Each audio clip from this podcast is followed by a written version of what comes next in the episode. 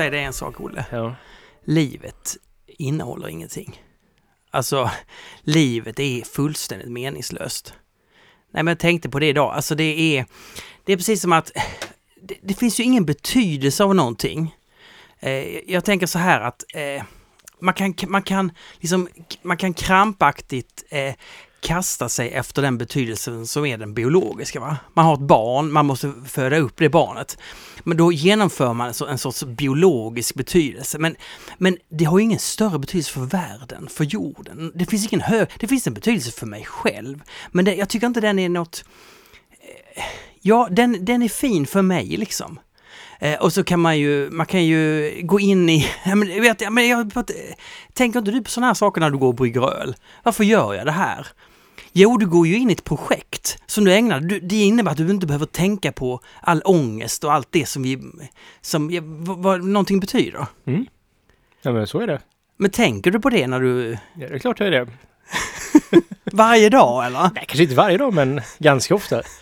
Man får ju... Ja. Det är ju högst meningslöst alltihop, det håller rätt. Men jag tänker när, jag tänker, jag tänkte också så här att, eh, men när Olle och jag står i studion, Mm. vi står ju så här mitt emot varandra. Mm. Vi ser varandra. Vi pratar med varandra. Då får vi, alltså jag, då får jag en kontakt med en annan människa.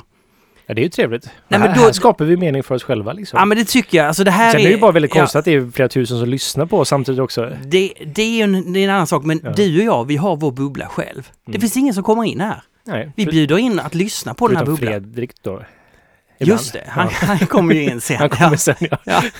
Men, men alltså det här, är, det här är så nära att eh, ha e- egna barn som möjligt. ja. Jag vet ju inte, jag har ju inga egna barn. Du, Ja, nu ska jag berätta en grej för dig. gjort. Jag var hemma med barnen, eh, själv laga mat. Mm. Jag öppnade en öl. Jag, det kan ha varit en av dina öl, en av, en av mina öl eller något. Så jag drack lite, lite, lite grann. Och genast började jag säga grejer. grejer. Då ser, min, min dotter sitter mitt emot mig och säger Du, ehm, har du börjat fundera på det här med fortplantning? Har du några fortplantningstankar? Men pappa! Jag är bara 12! Det kan, pappa! Och då tänker jag så här att, att alkohol... Hur, då, då undrar jag så här Olle, hur Mm. ofta säger du saker under alkoholpåverkan som du kanske inte hade sagt annars? Ja, men det, det är nog ganska ofta. Men om brukar det kanske är saker som är bra att du säger? eller? Ja, men mer så än dåliga saker skulle jag nog säga. Det är klart Ja. att ibland så kan man vara så här, varför pratar jag om det där? Eller varför Ja. tog man, eller så här. Men för det mesta så är jag ju en ganska blyg person så att för mig kan ju alkohol vara att jag, Man kom, att jag pratar överhuvudtaget nästan. Nej, men inte riktigt. Så att, eh, Ja. ja. Det, det är mer så att jag känner att det hjälper i det fallet än att det stjälper. Det, ja, men jag, och, det, det, och det tycker jag är så svårt, för ibland tycker jag också det gör det. Ja. Det var väl otroligt bra att jag ställde en Ja. sån fråga, men... men ja. Nej men alltså det beror på vilket humör man är på tänker Ja. jag. I, i så här, vissa dagar så kan ju man ju så här lite grann känna att nej men idag ska jag typ som att ja, Mm. det kommer, här kommer inte gå bra idag om jag dricker alkohol liksom. Då ska man inte göra det tror jag.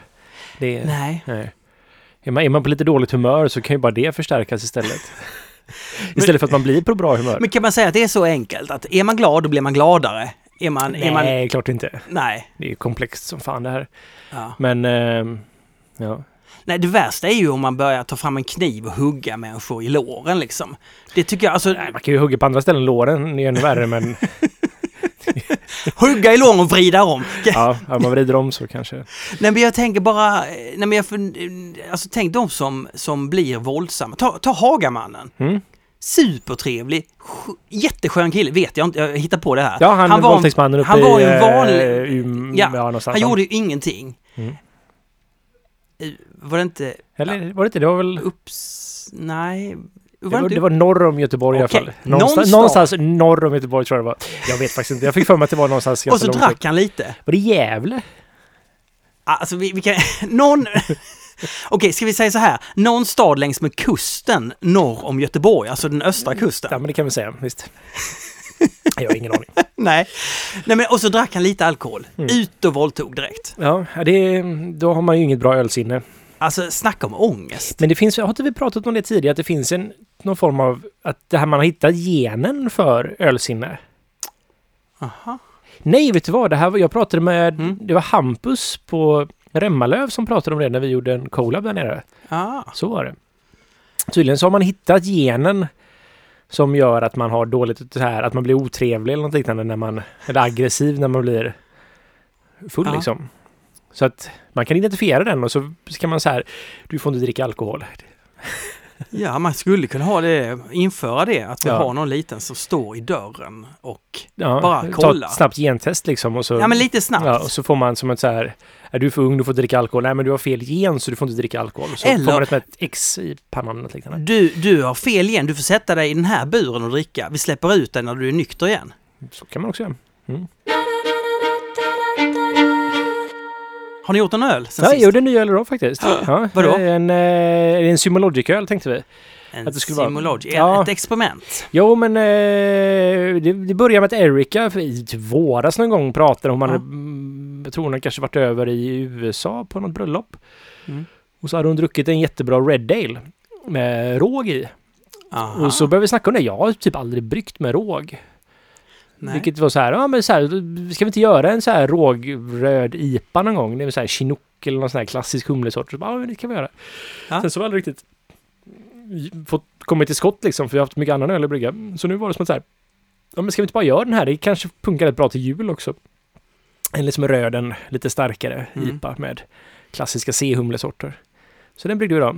Så det, men det, jag, det var ju så här, dels för att göra en öl röd också. Så det här var ju Ja. ganska, det var ju 29% råg sammanlagt Aha. i ölen. Ble, blev det rött av råg, menar du? Nej, inte bara råg i sig. Det kanske har, det har ju lite mer färg än kanske en vanlig pale eller pilsnermalt, men Mm. inte så mycket mer färg. Men däremot så använde vi en karamellmalt som också var gjord på råg som hette Red Rye Crystal, eller Ja. Crystal Red Rye eller liknande, från Simpsons. Och den verkar ju göra det ganska mm, rött, tänkte jag, för den heter ju ändå Red Rye.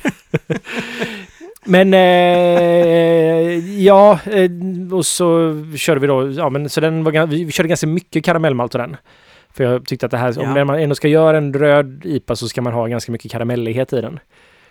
Men eh, när jag tog, tog mäskprovet där så jag Ja. och Andreas, vi bara så här, fan det här ser inte så rött ut, det här ser, det här ser inte så mörkt ut så här. Men vi har i lite så här svart malt i det hela i lakningen då Oj. för att, eller Ja. mörk malt då bara för att så här öka färgen lite grann på Ja. det.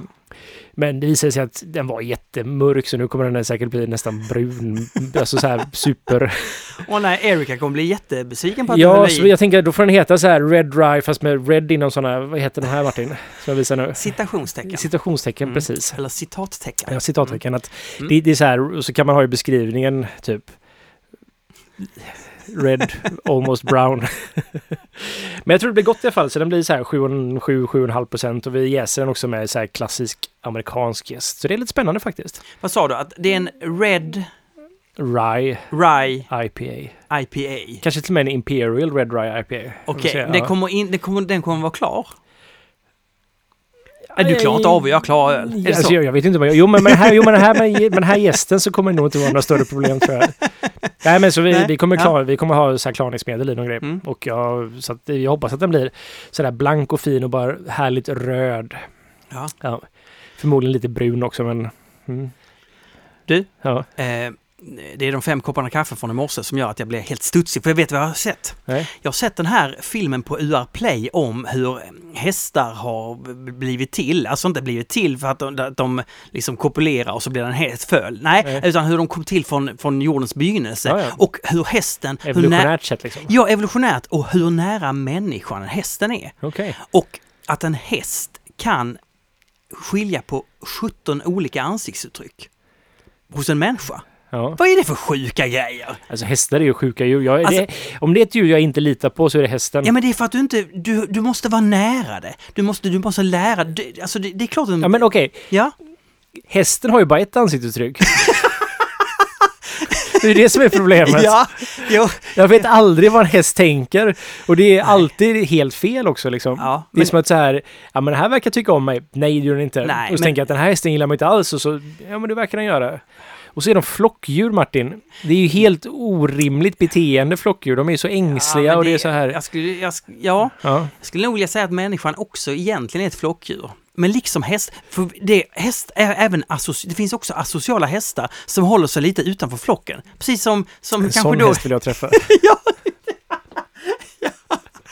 Ah, ja. ja. Du, Dan Benson ja, just det. jobbar ju på Stig Betts. Och då sa han, eh, ja, nu drar jag till England, eh, det är, jag ska fylla år och jag ska hem till familjen. Eh, och då frågade, bara, Dan, could, you perhaps bring me a beer fr from Britain? Yeah, sure, we have a really good, um, ja vad, det heter, sån här ölshop i närheten. Ja, bottle shop Ja. kanske? Bottle shop. Beer shop. Beer shop, ja. Ja. bot, ja. Eh, så, ja. Can, can you give me, can, can you um, eh, get me a, a Colonel beer? För jag, då visste jag ju, det är ju världens bästa öl i England. Engelska, världens bästa engelska öl. Ja, Eller bryggeri. ja. Det är Olles favoritbryggeri. Mitt favoritbryggeri kan man säga att det Ja, är. låt oss säga så. Ja. Eh, och då sa han, sure. Och jag tänkte, det kommer han att glömma. Han glömde det icke. Det Utan- ja. Utan kom med en Colonel och fick alltså en Table Beer. Mm. Som är en IPA på 3 ja. Alltså, jag tog hem den. Det var fredag kväll. Jag stod och började få... Det är ju inte en IPA dock, men... Nej, men det, De kallar... I så fall skulle det vara en session-IPA visserligen då, men det är ju inte, jag tycker nästan... De är Ja. så lätt humlade, det är så diskret humle. Det är ändå tydligt att det är en humleton, men jag skulle inte kalla det att det är en Du, IPA, Martin. jag Det är en ska s- table beer med lite humletouch i det hela. Nej, ja, Nej. ja, det kanske du säger, men den här som jag fick, den var bara humlad med mosaik. Mm. Den var alltså, den, den var inte lika fullödig i humletonen, såklart som en IPA. Nej, precis. Nej, men den var långt ifrån de trista grejer som jag har smakat på 3,0 som Mm. ska, ska vara åt det hållet. Den var väldigt aromatisk, smakrik. Underbar! Ja, nej, jag håller med dig. De är ju fina. som- Jag, gillar speciellt deras faktiskt så här, ja men saison och sådana gör med låg alkohol och även humliga grejer med låg alkohol. Eh, och då, då frågade jag Dan och Ja. sen så kom Olli in också. Olli bara Åh, Colonel, de är så bra, de, de, de, de fermenterar fortfarande på flaska. Mm. Vem gör det? Finns det många som gör det eller? Ja, det är alltså... Ja, det är många som gör det. Men det De, de, de låter alltså kolsyran bildas. på flaska. Ja. Precis. Det, Men är, det är ju alltså, för humlig öl så kanske det inte är det godaste på sätt och vis, men Nej. alltså det, det är ändå ett bra sätt att göra att ölen håller, för du kommer ju ta bort väldigt mycket av syret och utrustningen du behöver för att fylla är mycket billigare och sådär. Så för vissa öl så är det väldigt bra att göra så. Mm. För andra öl så, ja, jag tycker det passar sämre på välhumlade IPor dubbel-IPor och sådär, men Ja.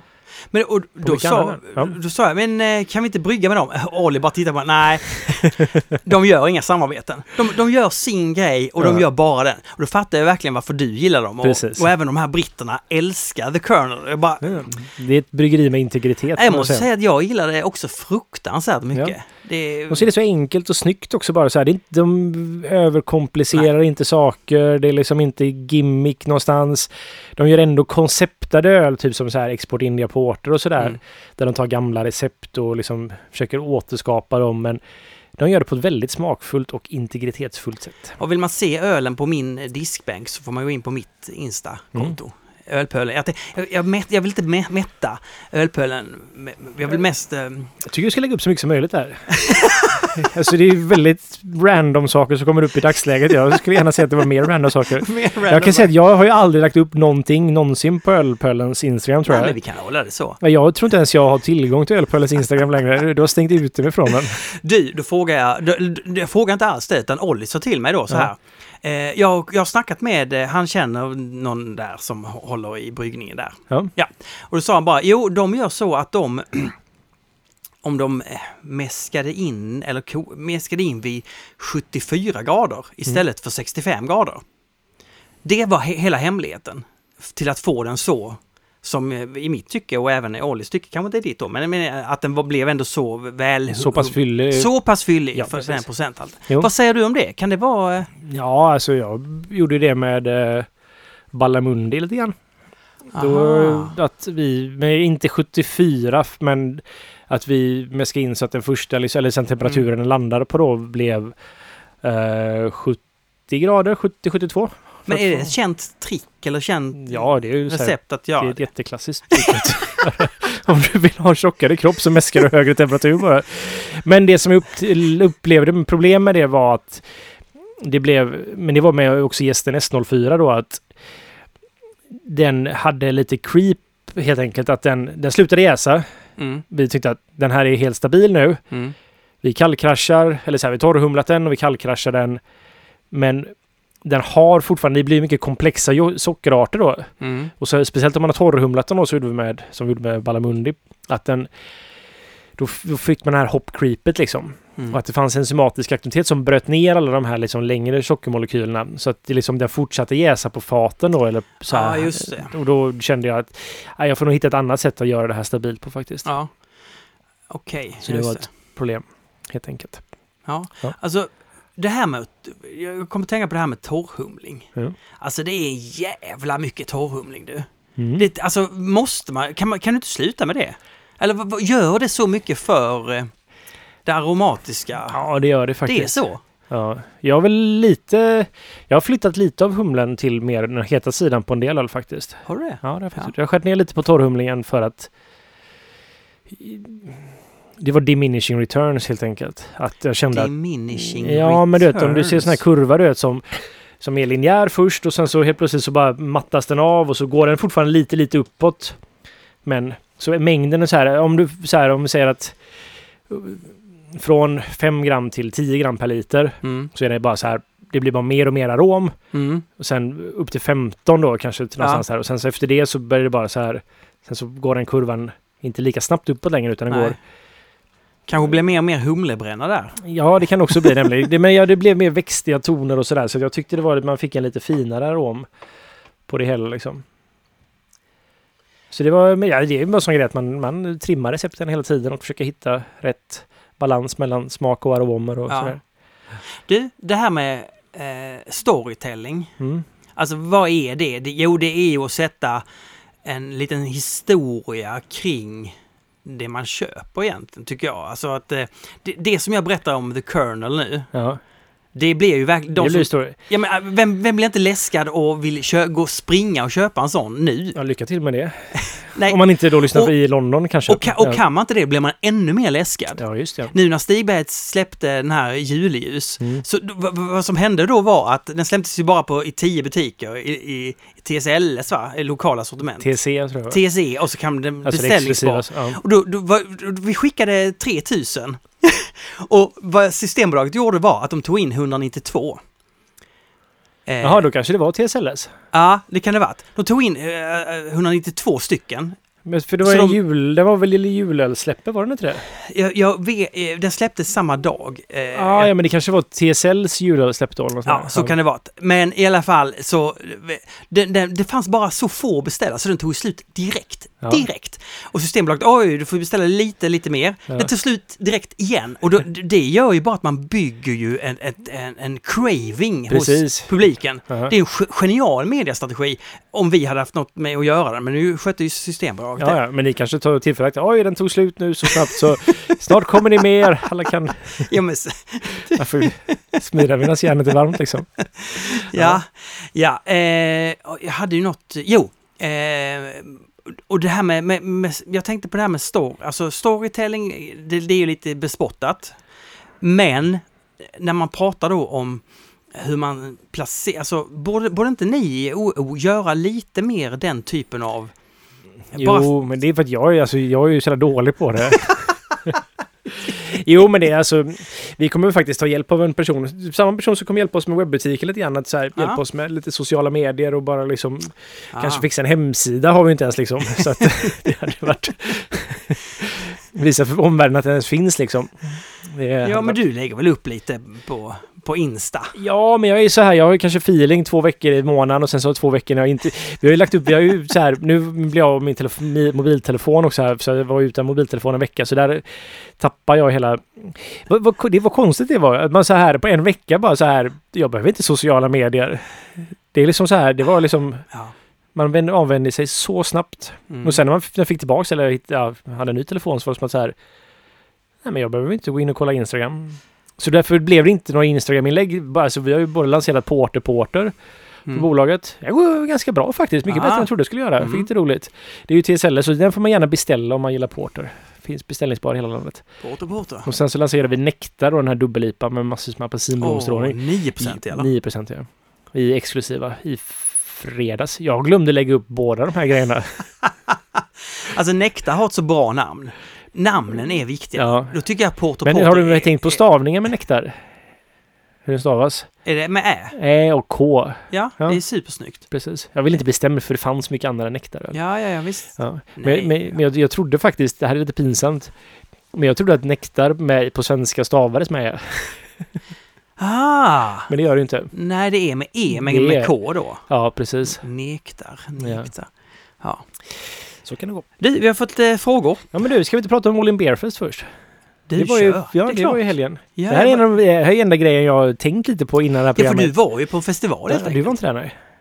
Nej, ja, du, jag pallar inte. Jag Nej, pallar jag förstår inte. Du, jag har nästan hållit på att gå in i, någon sorts vägg. Har du det? Där, där det till och med var så att, ska jag göra en låt nu? Nej, jag, jag fick ingen...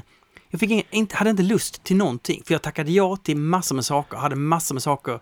Jag hade min Italo-disco-platta som kom på vinyl snart. Oj. Den hade jag, skulle jag göra art direction, mastering skulle jag skicka in, jag skulle fix, vi skulle fixa så mycket saker. Ja.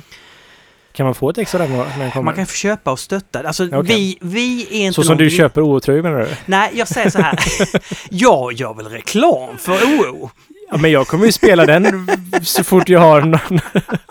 någon När du är ute och DJar. precis, jag är ute och DJar kommer jag. Ja, men hur som helst, du var på All In Beer Fest. Ja. Ja. ja, men det var synd att du inte var där för det var en väldigt trevlig festival. Vadå, vadå då? Ja, men eh, det är alltid trevligt på All In Beer Fest, men jag Ja. tyckte det var extra trevligt i år på något sätt. Och jag, jag, det här är en liten spaning på Ja. något sätt. Eller så här, Ja. jag, eller, jag har snackat om det här förut egentligen, Ja. men nu händer det.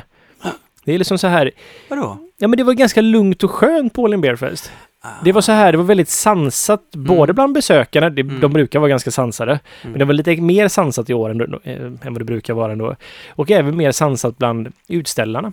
Det var liksom inte den här, det känns som Craftsbury håller på att växa upp lite grann. De håller på att lämna så här, liksom ett väldigt fest... Så jag tänker ofta så här när folk fyller 25 så kan jag ibland Mm. känna som att det var som så här, oj vad gamla den här personen blev plötsligt så här väldigt Mm. snabbt till exempel. Mm. Men liksom det är lite som att så här Craftbeer har fyllt så här, det har varit väldigt roligt nu i tio års tid liksom. Festats, eller fem år kanske framförallt. Mm. Och så är det som att så här, ja, ute varje helg, liksom det har varit. Och så nu är det som att så här, ja men nu börjar jag bli gammal, nu måste man tänka på lite mer så här riktiga saker och så här, ja men vi ska ändå driva företag och herregud. Så det kändes lite som att det hänt under så här att det var, bryggarna var mycket mer, det var inte den här som jag snackat om när det är Mikkele Beer Celebration, det är som så här en, i en bush, vad heter det? När börsen bara går rakt upp och alla så här, ingen ser någon morgondag utan det är som att så här, det är bara liksom, Det ja. en fyllefest. Ja men nej Ja, men det är nej, precis. Men ja. det är så här att det är liksom, det är lite galet nästan. Det är liksom ingen ser några problem på horisonten utan allting Nej, bara är jätte, jätteroligt och det är bara så här. Ja, det var ett mogen-party det här. Ja men det var, det, kändes lite så. Jag vet inte, jag fick den känslan Men det var, handlar inte bara om dig själv då? Att du... Eh, att du Alltså, det, är mycket möjligt att det bara handlar om det. Men, nej, men jag, jag får ändå säga att jag, jag, pratade med andra som upplevde det lite samma. ja, Så det kan ju vara att vi tillsammans egentligen bara kände så. ni kanske har ändå vuxit upp tillsammans nu då här? Ja, men lite så. Och så nu känner vi så här att ja, men nu kanske man ska börja liksom så här hitta ett riktigt jobb eller det har Mm. vi väl egentligen men Nej men att vi, eh, nej men så här att man, ja, man mognar helt enkelt. Jag tror hela ölscenen Mm. mognar lite just nu. Jag tror det är liksom, det är redo för det. Ja, upptäckte du något nytt på festivalen? Eh, alltså något nytt bryggeri eller något? eh, nej, nej. inte direkt. Jag provade rätt mycket, men jag provade mycket öl som jag inte gillar. Oh, vad Alltså jag runt ja. och provade mycket sån här Mm. suröl med Ja. diverse frukt och skit Ja, i liksom. oj, ja. ja. och godis och sådär. Ja, och... Jag gillar fortfarande inte. Men jag måste ibland göra någon form av reality check. Ja, Jag måste ändå säga, jag pratade med Olof om det här och de har blivit mycket bättre. Den här tonen av spya och sånt som ofta fanns i den här typen av öl förut har ju försvunnit. i- Det var, det var någon jag hittade som jag tyckte Mm. var, det här var en riktigt dålig Mm. laktojäsning på något sätt. Men annars Okej. är det väldigt Alltså äcklig öl, men den är mycket bättre än vad den var förut. inte äckligt på det vidriga sättet längre, Nej, det är utan bara smak, smakmässigt. Vad in- smakar äckligt, men Ja. inte vidrigt. Nej, jag okej. provade de här bubbelgumsölen också. Ja. Det smakar ju precis som bubbelgum. Visst, liksom. ja, men ja. Ja. Sen så fick jag reda på att det är ju, en till, det är ju någonting som smakar exakt som man bara har i ölen. Ja, ja, okej. Ja, jag fattade det som att man hade typ så här blandat till lite olika saker först. Men det var det inte. Det var ju bara att det är någonting som smakar så som man lägger i ölen. Då Jo. då blev jag faktiskt lite besviken. Jo, men, men, men man ska inte vara dum. Man ska Nej. inte åka till Kiruna när man ska till Skåne, så att säga. Nej, precis. Det är liksom... Nej. Ja. Eh, Men jag vet inte, jag Ja. bara kände att det, var, Mm. det fanns en liten sån här... det fanns en positiv för dig anstrykning. Ja, men jag vet inte så här, det finns ju också någonting som är lite så här, det känns lite som att det finns ett orosmoln på... Jag tror väl många kanske börjar känna av att det är så här, ja men det är en ganska tuff bransch det här och liksom att det finns Mm. en... Ja, det är liksom, det har ju, det har ju avmättats nu helt och hållet. Det stänger ju lika många bryggerier som det öppnar bryggerier i Sverige ungefär. Man behöver ju någon, man behöver kunna bet- betala sin personal eh, lön. Ja, och sig själv lön kanske till och, Och- med liksom. Till, till och med sig själv Ja. och betala hyran och, och så vidare. Precis. Och eh, då, ja, då, då Ja. gäller det. Vad, vad, jag tycker det gäller så här, man behöver göra god öl. Om det är så att du går och smakar en dålig öl, då kommer du förknippa det varumärket med. Förmodligen, om du inte har druckit massor med saker innan. Fick du ryggskott nu, Olle? Jag fick kramp i ryggen. Ja, nej, jag, sträckte ska inte säga så. Jag ska Ja. inte säga så. Men, nej, men jag menar, det är ju nummer ett. Ja. Eh, och sen så är det storytelling. nej, fuck, fuck alltså. Eh, Nej, jag börjar bli gammal känner jag. Jag fick kramp i, eh, vad ska man säga, mu- muskeln här nere. ja, alltså vi pratar ländrygg, Ja, va? precis. Eller något sånt. Jag sträckte på mig helt Men du, behöver stretcha baksida lår. Det behöver jag. De är Ja. fruktansvärt korta, mina Ja. baksida lår. Det är pinsamt. Jag når ju knappt ner till mina knän, Martin. Så har det i och för sig alltid varit för mig. Ja, men Ja. de du har anställt är väl yngre än vad du är? Eh, jag vet faktiskt inte hur gammal Andreas är, men Eric är väl samma ålder som jag är. Hon kanske Ja. är 85 Hon ser ju lite starkare ut än du. Tycker du? Nej, jag säger inte emot dig. Ja. Du, ehm, Du, innan vi börjar med frågorna, jag vill eh, dricka någonting bara. Jag är klart vi ska törstig. dricka. Ja. En pärl gjord av öl.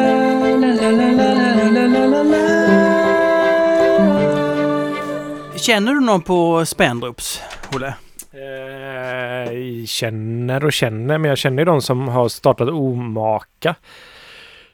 Som är, Ja, det är ju det är två syskon som är Spendrups-familjen liksom.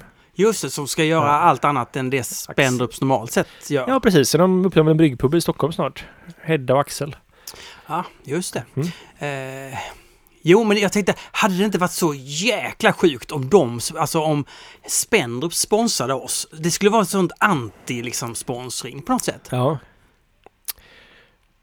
Ja, det hade varit sjukt. Ja, Mm. Men alltså, alltså jag tar emot pengar om jag får pengar liksom. Att, Nej, ja, alltså, eh, den här podden eller, om, skulle... de, om de skulle ge mig en tusenlapp per avsnitt så skulle jag kanske inte ta emot det från Spendrup. Men alltså man har ju ett pris, det är det jag menar. Visst har man det, visst har Ja. man det. För då, då hade vi kunnat göra det här. Var, tänk om vi gjorde den här varje vecka. Ja. Hade betalt för, du, kunde vara, du kunde vara ledig från bryggeriet en dag i veckan för du hade betalt för det. Preist.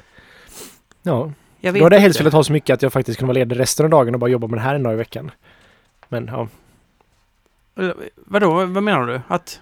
Ja, det var, var det inte det jag sa eller? Jaha, nej men då... eh, att vara ledig från bryggeriet också nämligen. Så jag bara kunde göra det här en gång i veckan. Och Ja. Så jag behöver inte göra något, någonting mer liksom. Nej, nej. Nej. Det är väl klart. Ja. Klart det ska vara så.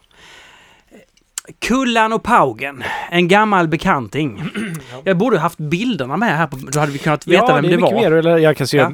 jag känner igen Instagram-namnen också. Ja. Men, Kommer Hardseltzer att bli en grej i Sverige? eh, jag vet, kanske. Alltså... jag- Jag skulle säga att det är 50-50 chans på det.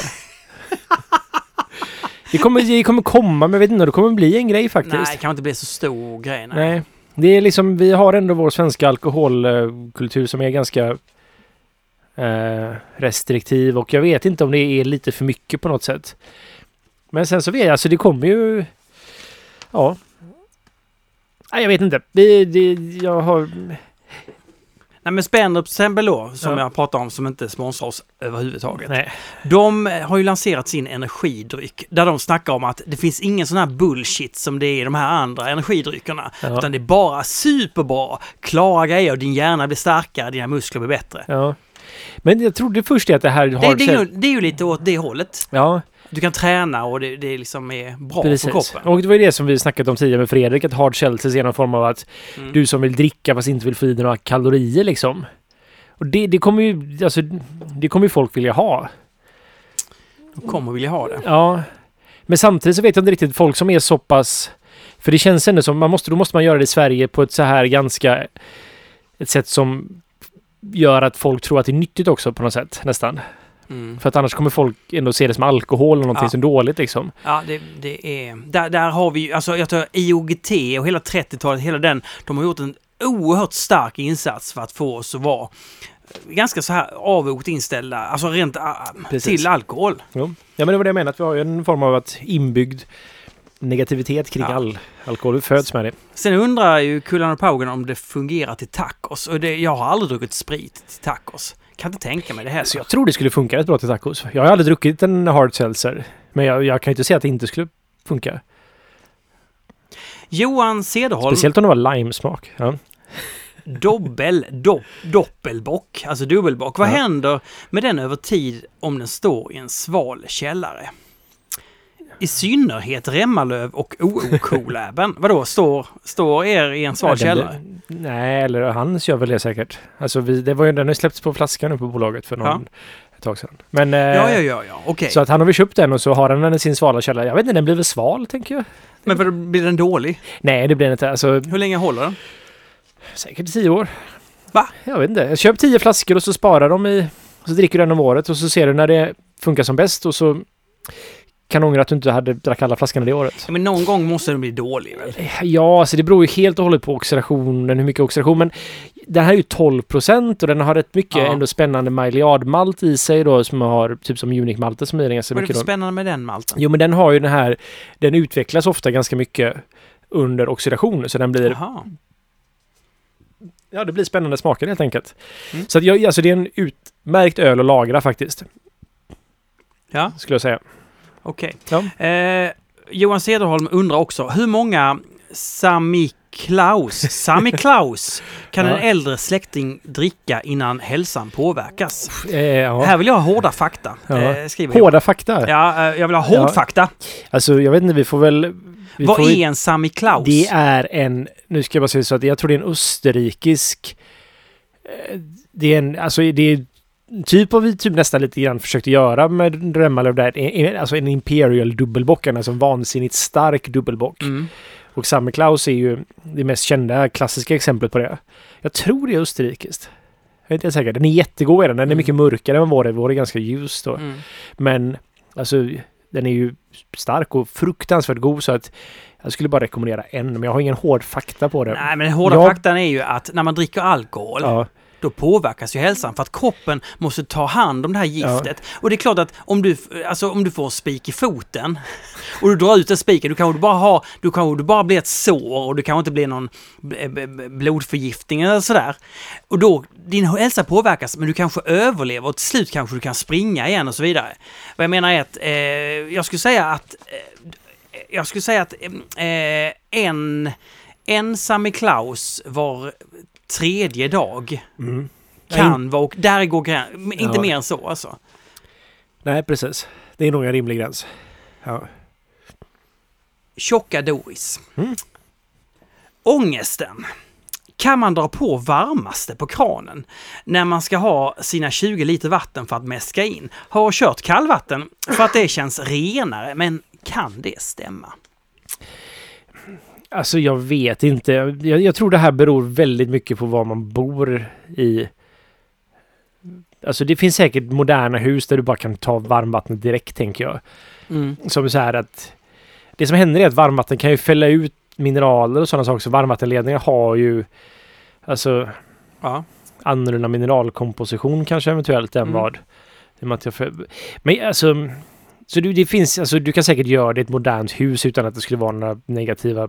Men jag skulle nog inte vilja göra det i ett hus där man inte riktigt vet hur varmvattenledningen har varit och vart de har värmts upp och hur vattnet har värmts upp och hur det värms upp. Så kör kallvatten för säkerhets skull. Det tror jag är bra. Pedda 83. Vad tycker ni om de nya reglerna för provsmakningstillstånd? För det något gott med sig överhuvudtaget? Eller är det enbart bedrövligt? Det för ju något gott med sig på så sätt att det blir en diskussion om själva provsmakningstillståndet på ett ganska bra ny- nyanserat sätt skulle jag säga. Det är väl positivt. Det enda jag har sett är att folk bara säger det är helt galet! Får man inte, får man inte dricka öl när Ja, det är men nu har ju så här både politiker från Kanske de har, ja. D, Demokraterna eller vad Ja. heter de? Ja, och eh, Miljöpartiet engagerat sig i det hela. Och det är ju faktiskt bra för att alltså den lagen som finns kring det hela är ju otroligt vag. Ja, den var väl... Var det inte så här att den var vag och så sa de "Ja, en och en halv deciliter gäller Ja. tills vi har bestämt någonting. Nu bestämde de. Vad är, vad är en provsmakning? Och då hade de den här otroligt härliga skalan där man, som, som, som byggde på procenthalten som gör det ganska komplicerat. Ja, Ja. och det, det, gör det, det gör det omöjligt för folk att ha en... Alltså den, den, den tolkningen gör att det är, det är som att så här teknik, teknik, tekniskt sett så blir det ju omöjligt för någon att ha Ja. ett provsmakning eller bedriva den typen av verksamhet. Men, men det finns ju också det här läget. Vad är en provsmakning? Ja, det, det, det, att, att behöva mäta upp olika centiliter beroende på vad man la, eh, har för öl, det, det gör det onödigt komplicerat. Men en provsmakning skulle, kunna, skulle väl i princip kunna vara 6 centiliter rakt över och inte mer. För att du besöker ett bryggeri och så ska du få en provsmak. Du går inte dit för att du ska sitta som på en pub. Alltså det här bryggeriet, det här, de här som hade julbordet fick lägga ner. Har de ett, tror de att ha, de har ett serveringstillstånd? Nej, de har ett provsmakningstillstånd. Och så har de julbord. Kom på julbord och ta... Nej, alltså vad, vad är det? De, de, är man en restaurang, då kan man ju ha öl. Mm. Alltså jag, jag bara menar att sen kan man ju diskutera, ska vi, ska vi, ska vi släppa ölen fri? Ja, det kanske man, man ska på ett annat sätt. Mm. Men vad är en provsmak? Hur mycket tycker du man ska behöva provsmaka för att man ska smaka ölen?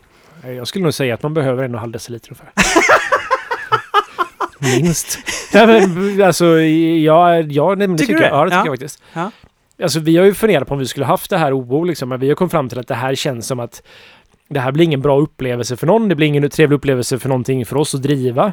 Det blir ingen bra upplevelse för alltså de som kommer till det här då taproomet som Mm, egentligen inte mm. är utan provsmaknings Mm. ja, vad man nu kallar det. Så vi har valt att inte göra det. För att Mm. det just känns som att det här är en... Alltså kompromissen här gynnar egentligen ingen. Nej. Alltså jag Men- vet inte hur mycket ekonomi det finns i de här grejerna heller. Jag tycker det är bra att det blir en diskussion om det nu faktiskt. Ja. Men det är jag- också märkligt för att ett taproom, Mm. det låter ju som en pub nästan. Alltså det är väldigt nära, kommer man in där Ja, så är det... taproom så- är ju, ett, är ju en Ja, pub egentligen. Det ju, Och det är det det som är det, alltså då, då, då, det rimmar ju inte med att du ska få komma hit och provsmaka. Men jag går till taproom, där, där ska du ju hällas ur taps. Det finns Så en väldigt stor, Ja. alltså många amerikaner som kommer hit eller bara folk som är från olika Ja. andra delar. Alla som inte är från Sverige, Finland eller Norge eh, kommer ju till Sverige och undrar vad fan vi håller på med i de här taprooms där man får jättesmå öl liksom. Så att Alltså jag, tycker, alltså jag tycker att man ska släppa det här väldigt mycket mer fritt. Jag tror på Mm. gårdsförsäljning och att det ska kunna finnas någon form av... Alltså, för en producent av alkohol så är det orimligt tycker jag att man behöver... tycker, ja precis. Men men att man behöver ett, ja. be, behöver ett kök för att kunna få ett serveringstillstånd. Vi, är, vi måste kunna få ett serveringstillstånd och kanske servera, jag vet inte, som en kompromiss. Alltså tider som inte riktigt, som är kanske inte så sent eller något liknande. Mm. För det som det grejen är ju att ska du göra det till ett, till ett riktigt taproom i ett bryggeri, ett bryggeri ligger nästan alltid i ett industriområde och då blir problemet att du behöver Alltså du behöver ju ehm, om, alltså eh, liksom vad kallas det? Ja, om det är en industrifastighet så behöver du om det till något annat för att få ha serveringstillstånd Ja, i den. Du får ju inte exempel eh, sätta en restaurang i vilka områden som helst i en stad. Utan Precis. du måste ha tillstånd i området. Ja. Så Nej, jag, jag kan ja. tycka att det bara, alltså, men jag tycker också att man ska ha, alltså släpp allting, lägg ner Systembolag och släpp allting fritt. Nej, det, det ska vi inte göra. Olle, du, Mm. När, när Peters föräldrar kommer från Frankrike hit Ja. så hittar de sådana lyxiga viner som är mycket billigare här. Och, och de hittar andra viner än de hittar i sin, sin butik nere. Då sa jag till Peter, men vadå, det, finns väl ändå specialbutiker? Ja, det finns det. Och där är det svindyrt att gå och handla specialviner. Mm. Och då finns det lite fler viner. Alltså, alltså Systembolaget gör ju ändå att vi får tag på väldigt mycket. Ja, jag håller inte med dig. Det... Sen har vi det här, jag bara, jag bara tar en sak till. Alltså, ja, men jag bara Ja. säger att generellt sett så är utbudet sämre i Sverige. Visst, vissa viner blir billigare för att Systembolaget köper upp stora mängder av det. Men jag vet inte om det är... Jag föredrar hellre ett stort utbud och kanske betala Ja. högre pris än att köpa saker i någon form av billighets... För att Systembolaget kan köpa mycket av det och få lite sämre utbud då. Ja, ja jag, jag tror att det kan finnas butiker utomlands som har bra utbud. Men jag tror tror de är jag svår, mer svårhittade. Här i Sverige har du Alltså- varenda stad har du ju ett bra utbud. Ja, sen så finns det ju vinshoppar på online i utlandet som är jättebra och med fantastiska bra Ja, utbud och jag sådär. vet inte om jag föredrar det. Jag Men föredrar det. jag hörde ett argument Mm. som är det här. Man vill ju att ölen, att vinet ska vara något speciellt. Mm. Ska vi då kunna få tag på det överallt som, som en mjölkprodukt? Nej, det ska vara lite svårare. Vi ska ha en helgedom. Vi ska ha kyrkor för vår alkohol. Därför det blir något speciellt. Man måste gå till den här speciella butiken, ta hem det. Det blir en speciell stund med alkoholen. Ja. Vad säger du om det? Vad var det för Jo som sa det här? var det du Martin? Nu går vi vidare. Ja. Du, eh, Daniel Grank. Hur är det med gästnäring? Ska man alltid använda det eller bör man undvika det i vissa öl? Påverkar det hur man bör vattenbehandla? Mm. Alltså vad är, vadå, vad är gästnäring? Gästnäring är, alltså gästen behöver, eller mår bra av att ha en del näringsämnen helt enkelt. Det kan vara zink, det kan vara allt möjligt som finns. Men det är som, inte salter det är vattnet som är salter eller? Ja, alltså det är inte kalciumsulfat eller kalciumklorid Mm. Eller något liknande så här. Mm. Gäst behöver ju kalcium också. Mm. Eh, jag tror inte någon gästnäring brukar innehålla kalcium faktiskt. Men zink kan det innehålla. Mm. Eh, jag, använder, jag använder två olika och jag gör det för säkerhets skull egentligen bara i och med att vi återanvänder jäst så jag har ibland glömt det och det, då kan en jäsning ta två, längre, två dagar till och det har inte vi riktigt råd med Nej. i långa loppet. Så Mm. att, ja, jag föredrar att använda det och sen så jag använder det till alla ölstilar. Um, det finns väl kanske någon mening om du vill att gästen ska kämpa och lämna lite felsmaker så kanske du kan skippa det. Men generellt sett så skulle jag köra jag kör yeast wit från Murphy Sons och så kör jag en zink zinktillsats också som från Murphy Sons. Och påverkar det sen hur du vattenbehandlar eller? Nej, det gör jag inte. Jag, jag, jag ser dem som helt oseparat. Det roliga är att jag, den här zinksulfaten Jaha, som jag använder. ja. Vet du hur mycket, jag- hur många gram jag har i en eh, eh, i ett i koket på 3000 liter? 3000 liter? Mm. Nej, jag vet Fem gram. Okej. Jag har en burk på tre kilo. Det... ja, alltså det är bara för... Det fanns inte mindre. Det är bara för Da- Daniel Grank att komma förbi med sin liten påse då. han kan få komma förbi. Som Det är svindyrt eller? Nej, den, 3000 gram kostade, jag vet inte, 2000 kanske. Okej. Så det blir ju inte så dyrt i långa loppet. Nej. Under kronan grammet så att Mm. säga. Oh, another beer undrar. Hur fungerar logistiken när det kommer till kegs som ska med utomlands? Skickas de i förväg och häller man ut det som inte säljer slut och så vidare? Vore intressant att få veta. Jag antar att, Det måste vara till en festival. ja, jag antar att det är en Mm. festival. Ja. Ja. Eh, ja, man skickar det, eller ja, man brukar skicka det i förväg, typ en, så att det kanske finns där. Vissa festivaler vill ha det en månad i förväg för att ibland så kan det vara lustiga regler i det landet och sådana saker så de vill ha det på säkra sidan för att det värsta som finns är att om man har en festival och så har inte ölen dykt upp och så har man annonserat ut ett bryggeri och så blir besökare vansinniga för att de hade betalat alla sina pengar för att gå på den här festivalen bara för att se på det bryggeri eller smaka det bryggeriet som inte du hade sin öl där. Men ja, nej men så man brukar skicka det en om två veckor i förväg kanske. Sen eh, de flesta brukar ha någon form av lösning för det hela. Till exempel som All In Beer Fest har ju det att de säljer ju de överblivna faten till Brewers Beer Bar. För det är ju samma personer som är delaktiga där och så brukar det vara på de flesta festivaler man är på att det hälls inte ut. Om det inte är kanske du vet, en liten skvätt kvar i ett fat så tror jag inte de kommer liksom... Men annars så brukar det säljas vidare till någon form av taproom som kanske det bryggeri som anordnar festivalen har och sådana saker. Reglerna för sånt här i Europa är lite mer... Det är lite lättare än i Sverige tror jag. Martin K, om man brygger en IPA med frukt, till exempel ananas eller mango, hur förhindrar man så att ölet inte blir surt när gästen äter upp sockret? Ja, Det, vi har ju pratat om det här. Ja, Undvik ja, eh, und- passionsfrukt va? Ja, undvik frukt i öl kanske. Nej, om man inte gillar det sura. Nej, men jag vet inte. Alltså, du måste ju... Alltså laktos är väl det som jag kan tänka mig. Mm. Eh, alltså du får ju liksom Ja, okej. balansera upp det med det i sådana fall. Eh, jag vet jag är inte, jag är inte någon expert på det här med frukt i öl alltså. Så, jag- om någon vet det här så kan ju de skriva in till oss och så kan vi återberätta det här hur man... Ja. Men jag skulle gissa att laktos är en bra grej. ja. Jag hatar laktos men det smakar inte alls gott. Då får du ju två saker i ölen som du hatar. Ja, men jag tänker gillar man det ena så kanske man tycker om det andra också. Eh, hopp... Därav milkshake-ipor med vad de nu kallas. De har Ah, oftast massa frukt och laktos i sig. Det, det Ja. där, ja, jag har aldrig druckit det. Nej, men det är ju någonting som Omnipojo och eh, Tired Hands kom på tillsammans för Ah. massvis med år sedan. Och jag Aha. tror det är just att de använde massa fruktpuréer och laktos i ölen och tyckte att det såg ut som någon form av milkshake och smakar väl som en milkshake för att det är mjölksocker i. Och sen så har det här blivit som en öppen stil som är då alla kan göra milkshake-IPA fast jag tror egentligen det var meningen att det var liksom en, att mer som ett varumärke. Att, typ som att de gjorde någonting som de Alltså det är deras grej att göra milkshake-IPA. Det är inte en stil. Det var ett namn på ölen. Men det har inte riktigt tolkats så av andra bryggerier. Hop, hopped, hopped Dupont Books.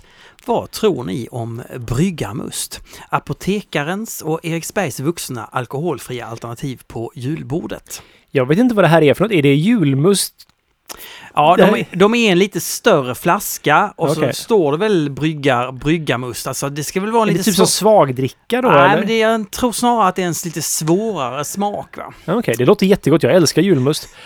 Jag brukar vara väldigt trött på julmust efter julen, men det är för att jag dricker enorma mängder Alltså, jag av älskar julmust. det också. Jag tycker det är så Ja. magiskt. Ja, jag, min flickvän började ju med julmust för en månad sedan ungefär. Det är så här.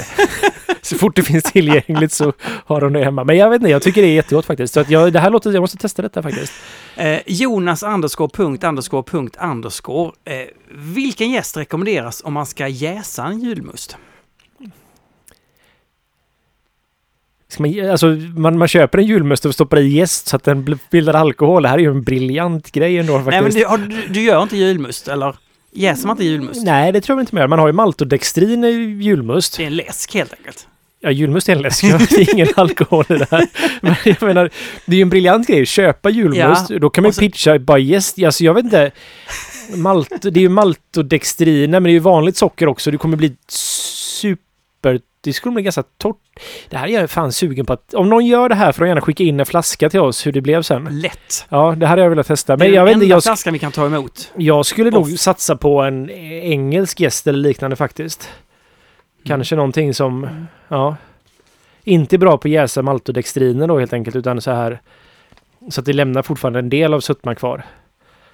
Helt enkelt. Ja, nej men det här är en spännande idé faktiskt. Henrik Sandberg 75. Ja. Tror du han är född 75? Eller är han 75? Ehm, Han skriver. Har lyssnat på alla avsnitt men fortfarande inte förstått vad du jobbar som Martin. det vet faktiskt inte jag heller. Nej, alltså jag tycker det är en rimlig fråga. Man ska ju lära känna oss här i podden va. Mm. Vi är ju allas vänner när man lyssnar på oss.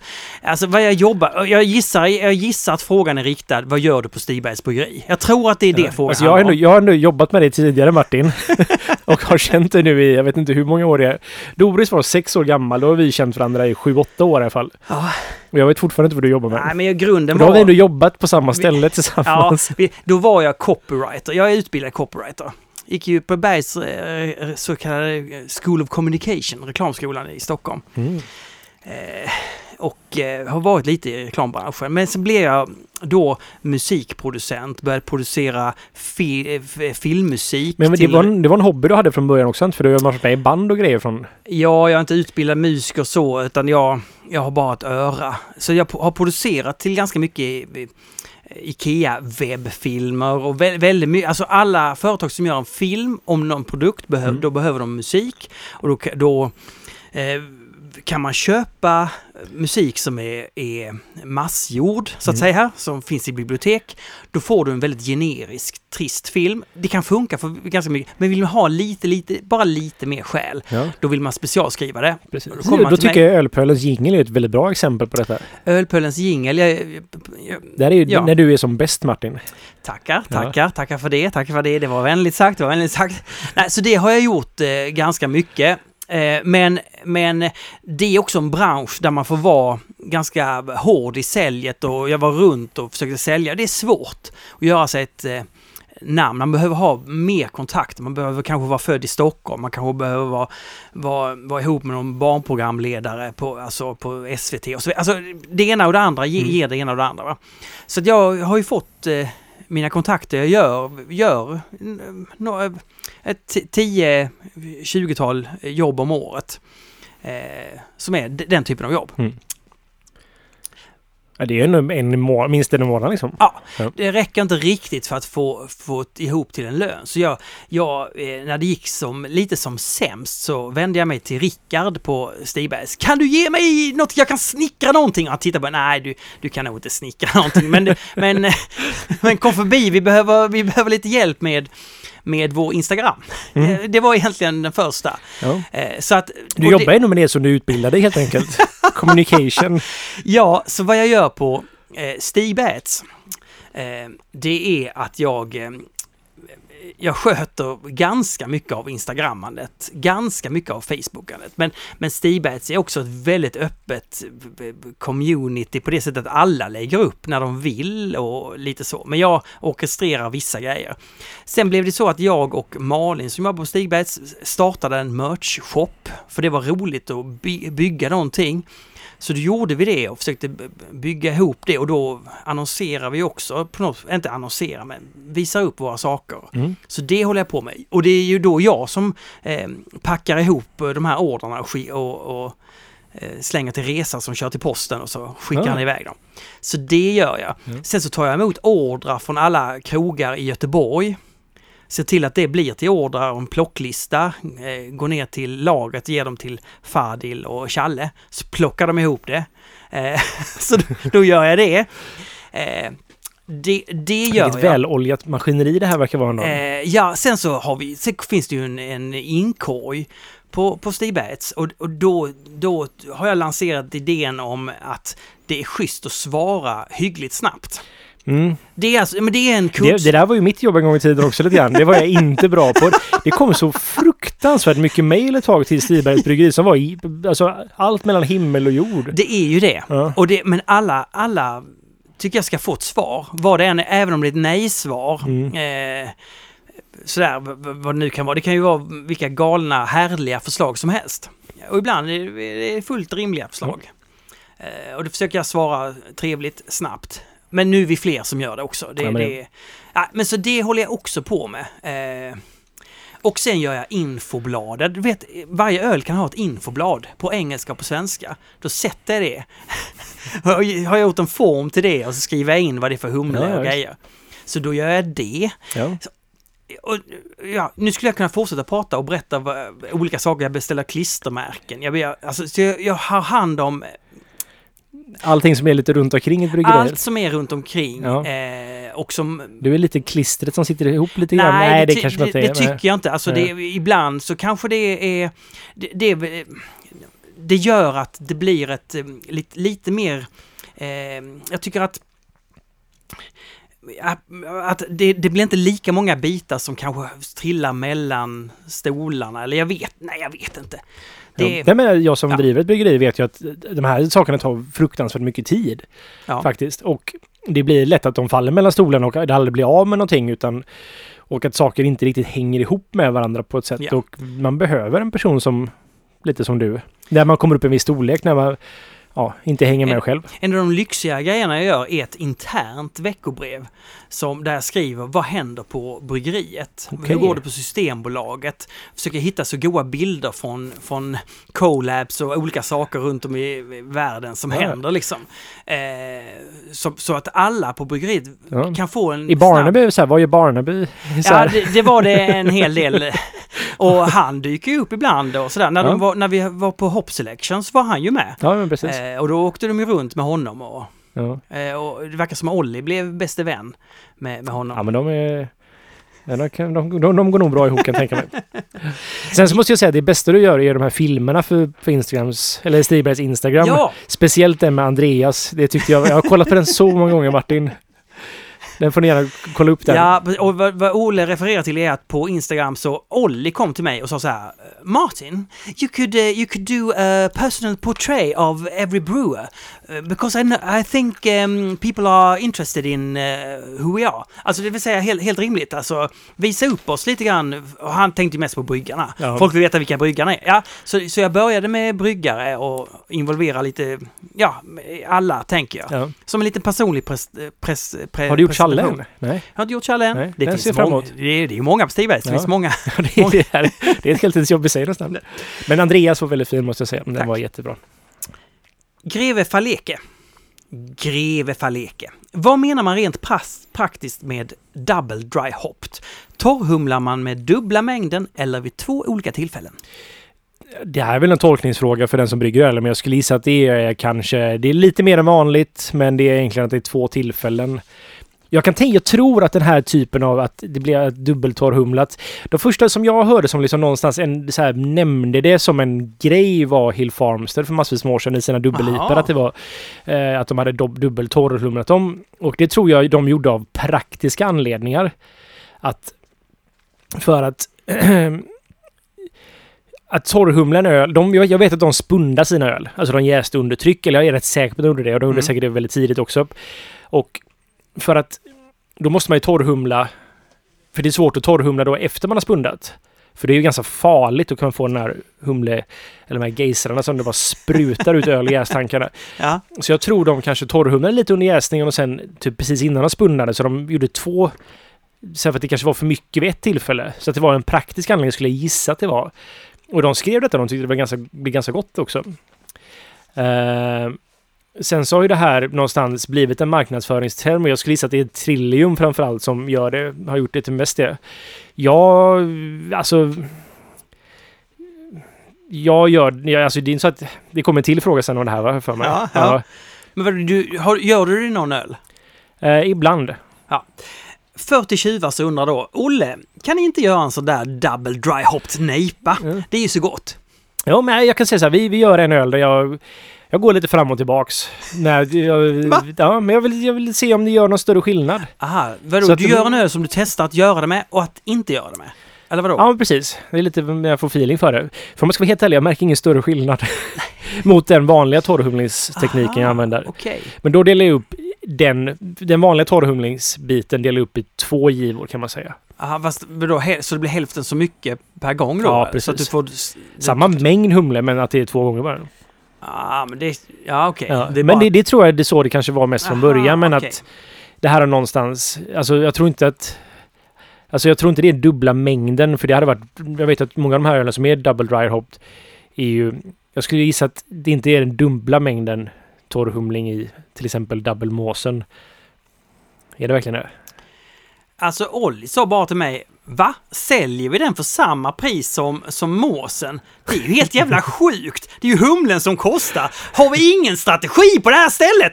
Ungefär så. Okej, men då är det säkert. Men jag skulle jag har svårt att tro att det är dubbla mängder. Nej, det är det nog inte. Men, men, men du, Olli tvekar inte att trycka ner så mycket humle så att det liksom, han, får- han får svårt att stänga luckan. Ja, nej, det kan jag tänka mig. Det är, jag har pratat Men med det- honom. Ja, men det är... Det, ja. men det kanske inte är torrhumling i och för sig, det, utan det är nog när han kokar va? Ja, Ja. det kanske är då. Okej, Han gillar, han, gillar, han gillar att maximera sina kärl kan man säga. Olli. maximera sina kärl. Ja. Ja. Han är en person som gillar att maximera. Alltså maximera mina kärl, är inte det en T-tröja på något sätt? Uh, ja, det vara en bryggare. Det är en dubbelmening på den grejen faktiskt. Ja. Ja, det, det är ju det. Eh, Pontus Fr, känner Mm. jag också igen.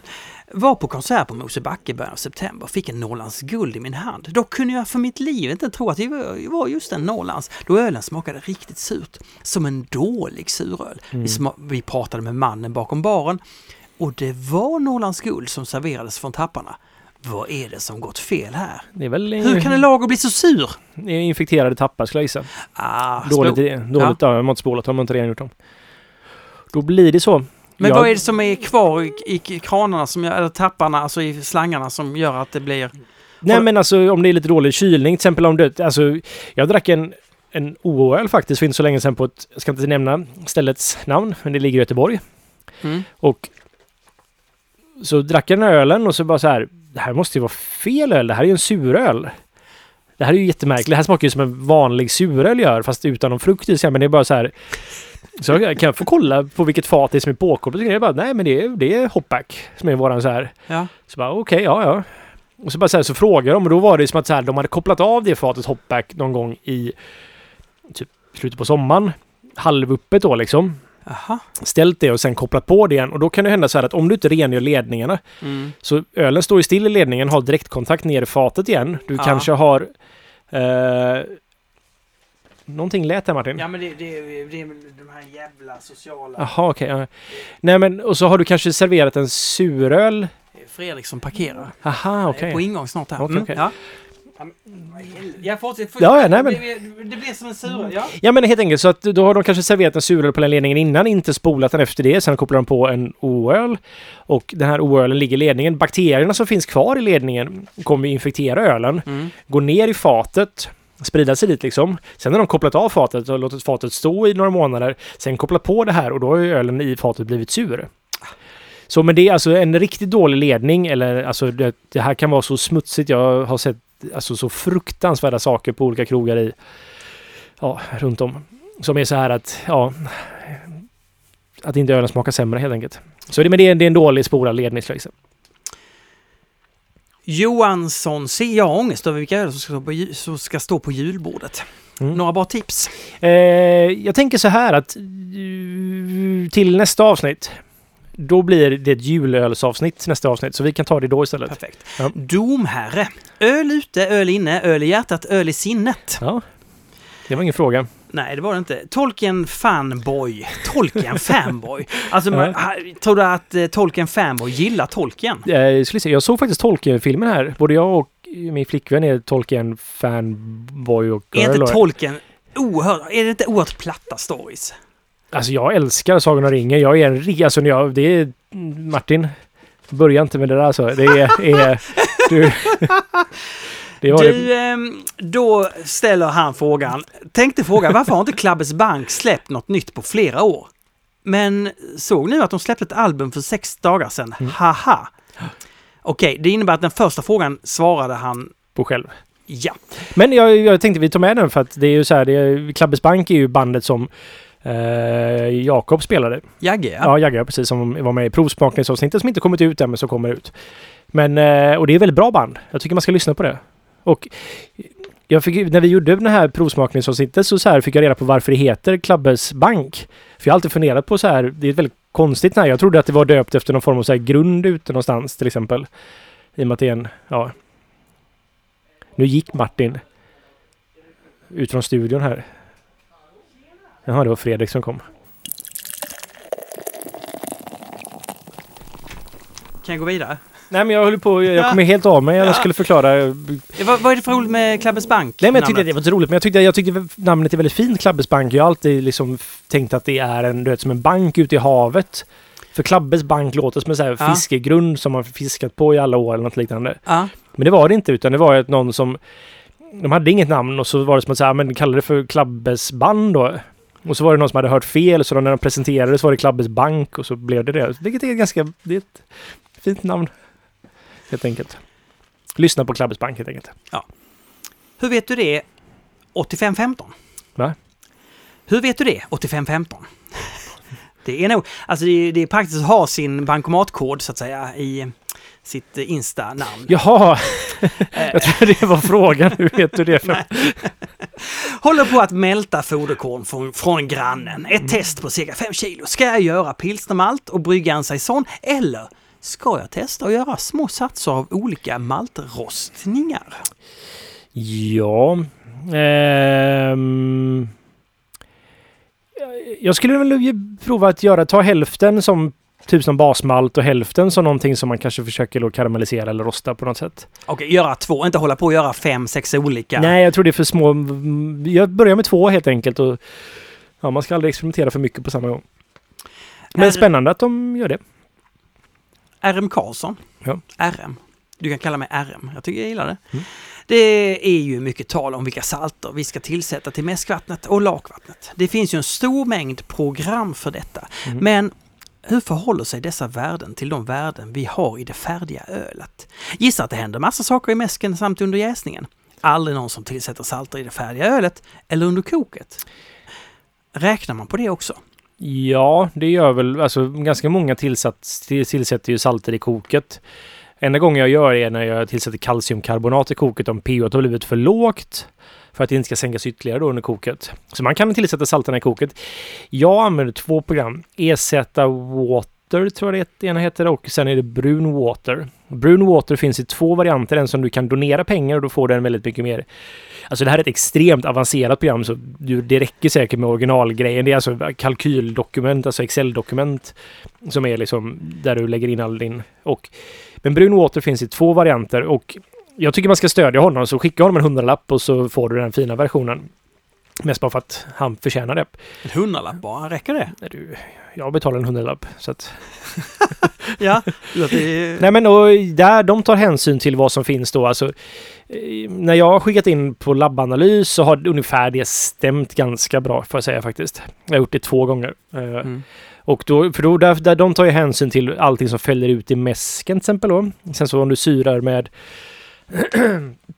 jag vet inte om det här stämmer, men jag har hört det att om du använder till exempel fosforsyra då istället i mäsken istället för mjölksyra så kommer du fälla ut väldigt mycket mer av kalcium och sådana saker. Men de, de två vattenprogrammen då, eller vad man ska kalla det, eh, tar hänsyn till hur mycket som fäller ut i mäsken så du ser hur mycket som finns då, hur mycket du tillsätter i lakningen eller hur mycket du tillsätter under mäsken och så ser du hur mycket som finns i själva mäsken och sen finns det efterkok.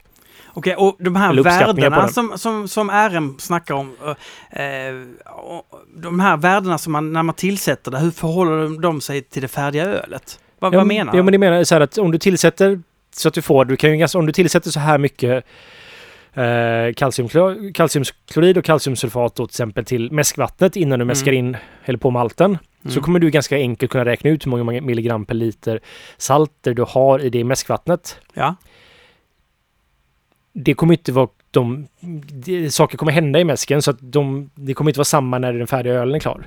nej. För jäsningen och koket av mäskningen kommer att fälla ut de här grejerna. Men det finns program som uppskattar hur mycket som försvinner. Så du kan se det också. Och de, ja. ja. Och är det aldrig de som tillsätter salter i det färdiga ölet? Eh, det tror jag inte är jättevanligt. Nej, men under koket pratar du då? Ja, va? under koket kan man... Eh, men jag gör det mest med kalciumkarbonat då. Räknar du på det också eller? Det, om man ska veta det så gör jag det lite mer, med lite mer tummen mellan pekfingret. Jag typ känner att det slänger i lite av det här. Men det är oftast med så här, det är som en, liksom en justering när jag märker att pH, för, förhoppningsvis har inte pH blivit så lågt. Det här är mest med mörköl. Så jag vill bara att det inte ska fortsätta gå neråt. Helt enkelt. Mm. Eh, Njut-Simon. Ja. Alltså Den jäveln. njutningsfrämjandet. Ja. Den jävel. Ja, han Nej, vi kan inte... Vi, nej, det var ingenting. Nej, Nej, det var nej, ingenting. det. Det, blir, det Eh, blev Martin, fel kronologiskt det här. Eh, Mm. När ska vi göra en apfelschorle-collab? Och då säger jag, any day, any day, alltså absolut, alltså apfelschorle är så in i helvete gott. Varför finns det nästan inga, nu, nu har väl den här, det finns väl den här eh, eh, äpple, det har, jo det finns en äpp, kolsyrad äpplegrej på, på, på petflaska vet jag nu. Annars finns det inte så mycket Är apfelschorle. det här liksom cider då, eller är det... Nej, Jag tror aldrig jag drack det här i Tyskland. Nej, det var alltså, man fick och att, jag, jag, gill- jag Är det, är det kolsyrad äppelmust helt enkelt? Ja, jag tror det. Jag tror Ja. det. Alltså, jag hatar när man går in på en restaurang och så får man en 33 Mm. om- man vill ha en läsk eller vatten. Vad är det för liten mängd? Jag vill dricka mycket. Jag vill kunna släcka min törst. Ja. Jag vill ha en stor cola, så får man en som är lite, kanske är fyra deciliter. Vad är det för Jag liten? saknar verkligen 50 centiliters Coca-Cola-burkarna. Varför finns inte de längre? Burkarna? Ja. Vad det fanns? eh, Va? Hur Ja, så? för länge sedan fanns det 50 centiliters Coca-Cola-burkar. Det är helt obegripligt för mig att de är borta. Det kan väl vara att de har en petflaska som är just 50 centiliter. Kan det vara det? Ja, men det är mycket högre kolsyra i PET-flaskor än vad det är i burkarna. Jag gillar inte att det är så hög kolsyra i... Säger det? Ja, så jag föredrar alltid burk framför PET. Jag har alltid tyckt att cola smakar bättre i burk. Jag än med. I... För det blir för, så här, det blir för fissigt. Men det, jag trodde det var en, lite om aluminium. Att, att det Nej, det är nog bara att det är högre Ja, kolsyra. det är klart det är det. Ja. Men, jag, men det är min, min storytelling i mitt huvud. Ja, ja. Säga att det är aluminium. Åh, jag får i mig aluminium som är så gott. Eh, du, eh, nu är Fredrik här. Ja. Eh, och då ska vi, jag tycker vi kan släppa in honom. Nu är det dags för Fredrik att komma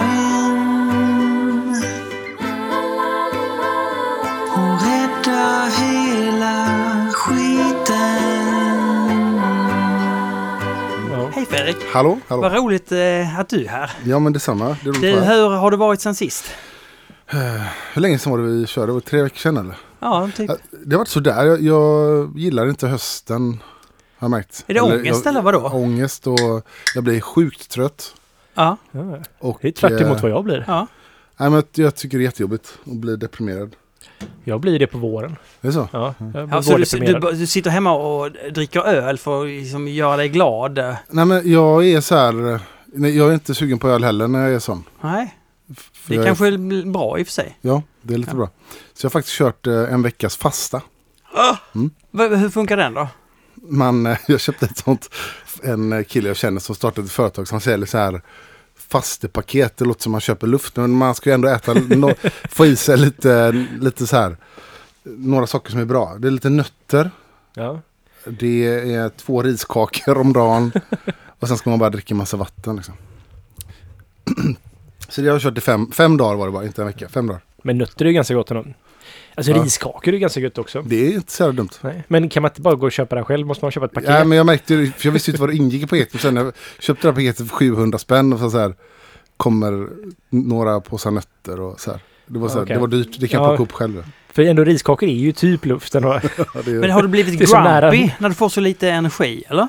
ja för så här, jag har inte varit hungrig faktiskt. Nej, Eh, och, men, men men jätteilsk. jag blev på dåligt humör. så att jag ska faktiskt inte göra om det här, det var inget bra. Nej, så oj, vad, vad ska vi förvänta oss nu då? Nej, jag kan ju skälla ut alla. Underbart. Ja, eh, det, jaha, okej, okej. Men, men var du på All In Beer Fest? Eh, nej, ja, nej, det var inte. inte in, jag var och pratade med ett par personer men eh, jag Ja, var inte var- inne och drack öl så mycket. Nej, okej. Nej.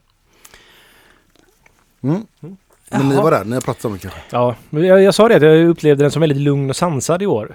Mm. Både bland besökare, inte för att det brukar vara kaos liksom, men att även utställare var ganska lugna och sansade. Och jag sa att det känns som öl har växt upp lite grann. Det är liksom så här, Ja. att det är liksom lite en mogen scen nu på något sätt. Det här Mm. liksom, vad sa jag fram att man, det var som så här att när man är över 25 liksom så börjar man så här lite grann lugna ner sig och börja tänka på framtiden och stadga sig på något Ja. sätt. Och det känns lite som att öl är inne i den stadiet nu. Mm.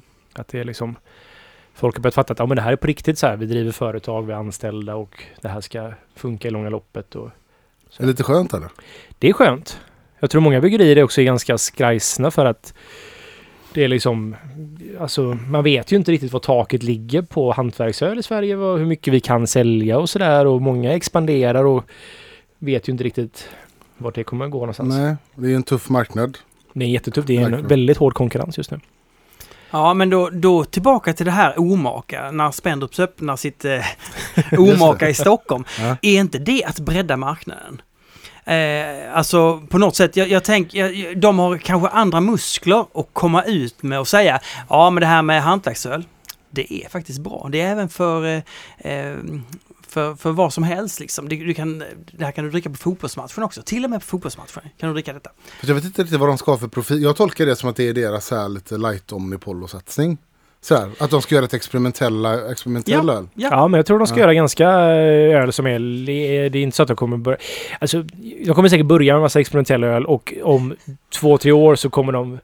Ja, men nu är vi edgy nog att vi, vi, vi ska göra en pilsner också liksom. Ja. Ja, som alla andra gör nu också liksom. Så att det de kommer gå samma väg också. Men hon, Hedda heter hon? Hedda Spendrups som driver det. Hon hade varit uppe i Grängesberg och berättat om satsningen.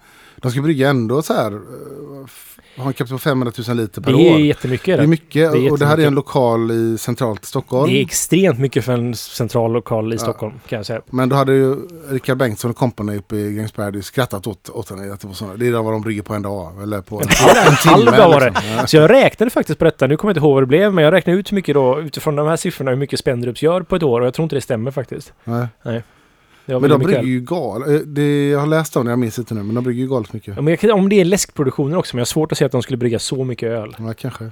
Ja. Men, men hon ska ju göra, jag, tror, jag tolkar det som experimentellt. För sen har de ju sina andra varumärken till att göra eh, ja, chipfull IPA och hela de här grejerna gör de ju under Brutal Brewing och sådär. Ja. Ja, just det, just det. Alltså på tal om centrala Stockholm, när vi var där på Mm. höstlovet, då, då, sa, då sa min son som är tio, eh, jag vill åka till Plattan.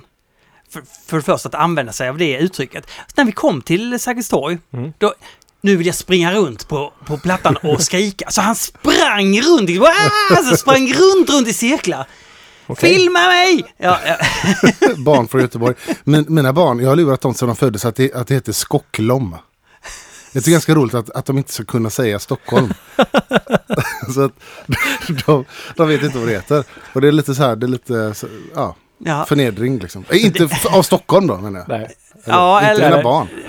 Nej, eh, nej, okej. Det- Men du Fredrik, en, bara en, en uppföljande fråga bara. Ja. Jo, men ångesten den måste ta slut någonstans. Är det, när man, är det första advent när ljusen får tändas eller, hur, när, eller är det först i mars? Eller? Ja, vad- men det är lite när våren kommer. Och, det är Det ju är precis där i mars när jag börjar må riktigt, riktigt dåligt. Ja, okej. Vi får peppa varandra. Du får Ja. peppa mig nu.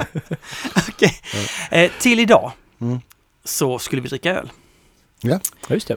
Vi hade ju en riktig humlig härlighet eh, framför oss. Eh, det var, vi, vi sa, vi tipsade om eh, Narangi och Amazing Haze som är de bästa New England-iporna. Humliga iporna på Systembolaget att få tag på. Mm. Eh, för idag ska det handla om IPA som är den moderna, underbara IPAn. Ja, fortsätta ungefär där Där vi... vi slutade sist. Ja, Ja, för förra avsnittet då tog vi lite med IPAns grund Ja. Och det som var det som, eh, eh, ja, vi kom in på 90-talet kan man väl säga. 1990-talet. ja, men ungefär så. Egentligen precis när, och vi pratade historiken om när amerikansk IPA, hur Mm. den startade.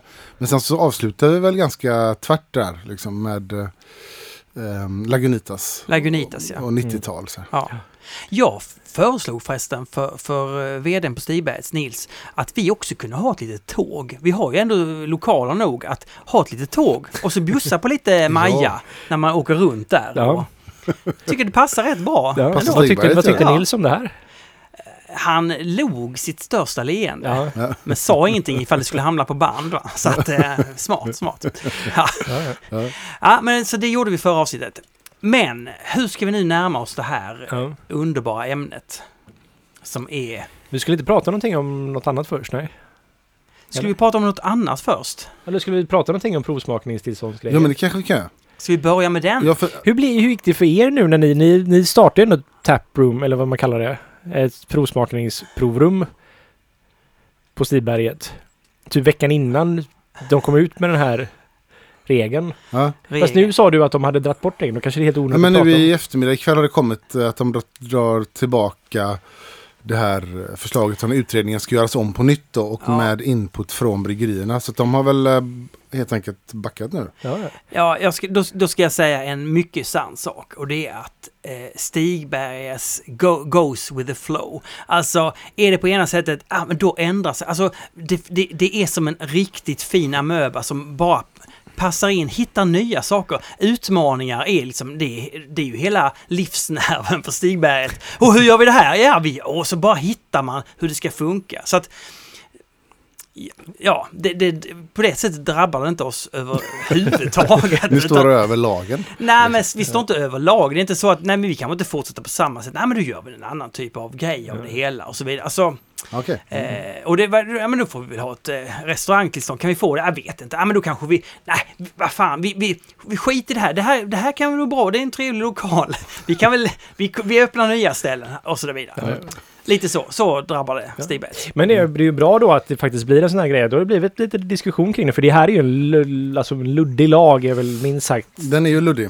Alltså jag vet ju kommuner där man inte ens, de har tolkat det som att man inte ens får ha Nej, provsmakning på bryggerier. nej Så man att det kan ju tolka det verkligen olika. Men det som var irriterande i det här fallet var att de gjorde, plötsligt skulle göra någon form av ny tolkning av det.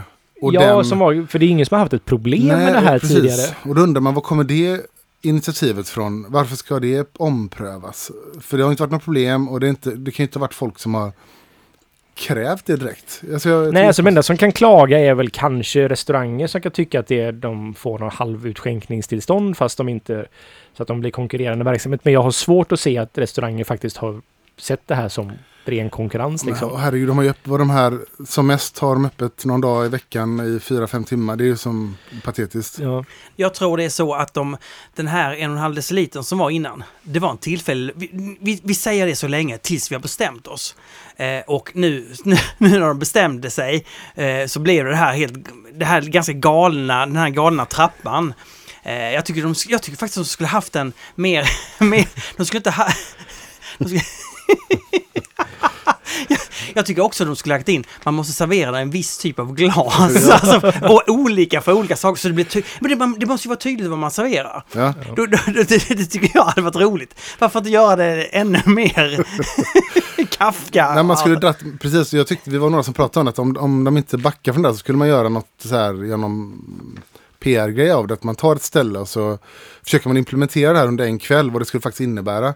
Efter de här lapp, man skulle då få köpa åtta prover, det ska vara åtta olika prover, olika mängd. Och då ska man ha koll på vad du har köpt. Vilket gör att den här lappen som du kanske kan få måste vara kopplas till dig som person. Ja. Och hur ska man ha koll på det? Att du inte kommer någon annans Där lapp. tror jag på en elektronisk grej, alltså att, att du blippar någonting så att slut är det slut på kortet. Jo men den, den Ja, blippen, det- du kan ju ja, få min, min kort och blippa till- den. Nej, Då får man operera in blippen. Ja, Exakt. Det var det vi tänkte. Man skulle säga, man står på kö, så här 100 pers och så har man, man har nästan tatuerat in ett så här provningskort på armen. Ja, ja. Som man bockar av så här. Ja, precis. Jaha, barley wine 12 procent. Jaha, 4 centiliter har du där. Ja. ah, förlåt, jag blir lite lockad. Alltså när ni säger, ni säger det på ett romantiskt sätt här nu. Ja. Ja, nej okej, ja, okej, nej men det... Men vi kan hoppas att det Ja. blir någonting bra av det här. Att jag, Ja. inte, jag kan ju tycka att de borde göra om det så att det blir väldigt tydligt överhuvudtaget vad det här är för något och inte är för något. Ja, men jag, jag, tycker, jag tycker så här, man ska sluta sna- snacka om provsmakning. För är det provsmakning, då är det en liten provsmakning. Och då kan man i och för sig diskutera. Olle tycker en och en halv deciliter, absolut. Jag tycker 6 centiliter räcker för en provsmakning. Alltså, om, om det nu är en provsmakning, då är det ju det det är. Jag åker till ett bryggeri och eh, kollar vad de har, då får man provsmaka lite grann. Jag är inte där för att hänga som på en pub. Men Å Nej. andra sidan tycker jag att man ska göra om det och göra så att man kan hänga där som en pub. Mm. Så, så jag tycker man måste ändra på hela den lagen liksom. Men en och en halv centiliter, alltså som en matsked. På riktigt en matsked. Eller vad menar Ja, du? nej men... Nej, en och en halv, alltså en och en halv deciliter. Jag menar Ja, det. ja, inte, inte centiliter. Vad var en matsked? Du kan man inte prova någonting. Nej. Det var ju det som var första förslaget. Ja, ja, ja. Det var ju samma, det är ju faktiskt en gammal kompis till mig som har tagit fram den här tolkningen på tillståndsenheten, eller vad det heter. Både den här ändå- första matskeden, för det är, också, det är en och en halv centiliter, ja, en matsked. Ja, det. Och sen den här med den här skalan då, Ja. som inte riktigt... Du outar ju honom också. Absolut. Ja, Men eh, det får man väl göra. Han, han var ju offentlig. I, Ja, ja det tycker jag också. eh, Han tog bort sin Facebook efter detta. Jag märkte det. Ja. Eh, Det var under min, eh, jag tar, jag tar inte tillbaka något, men det var under min fastevecka. och då kom, till- alltså, allt mitt så här Göteborgshat kom tillbaka som en jävla smäll rakt i ansiktet. Jag blev så jävla upprörd. Ja, men du var ganska skarp och... Ja, men jag blev så trött, om- för det är ja. så typiskt på något vis. Att så här, men det här måste vi förstöra, eftersom det är Göteborg. Mm. Nej, men det är absolut... Det... ska vi prata om IPA nu eller?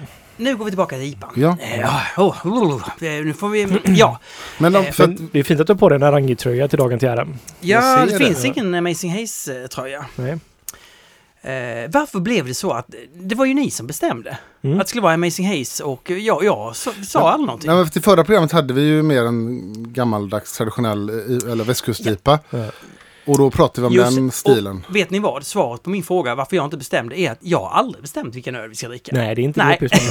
Nej, det är inte... Nej men sen så var det lite kul att ta två öl som ni två Ja. håller på med. Och Ja. de är ju Ja. väldigt bra New England-exempel. och Och för mig kul. är det alltid roligt att få säga lite extra öl liksom. Det, det skadar inte. Nej, men har du gjort det då? Tror du det? Nej, jag har faktiskt inte märkt någon större skillnad i försäljningen. Den är ganska stabil. Det är tio pers som köper varsin. Alltså, en Harangi säljer bra, det är inte det. Men jag, det, den går lite upp och ner lite så här. Men Ja, ja, ja. det är vanlig fluktuation på... Mm. Fluk, fluktuer, fluktueringar. Ja. Fluktuering. Flu, flu, flu, ja. Ja. Eh, ja, men alltså vad, hur, då, då tillbaka här nu till 90-tal. Hur, går vi, hur kommer vi in i den nya tiden?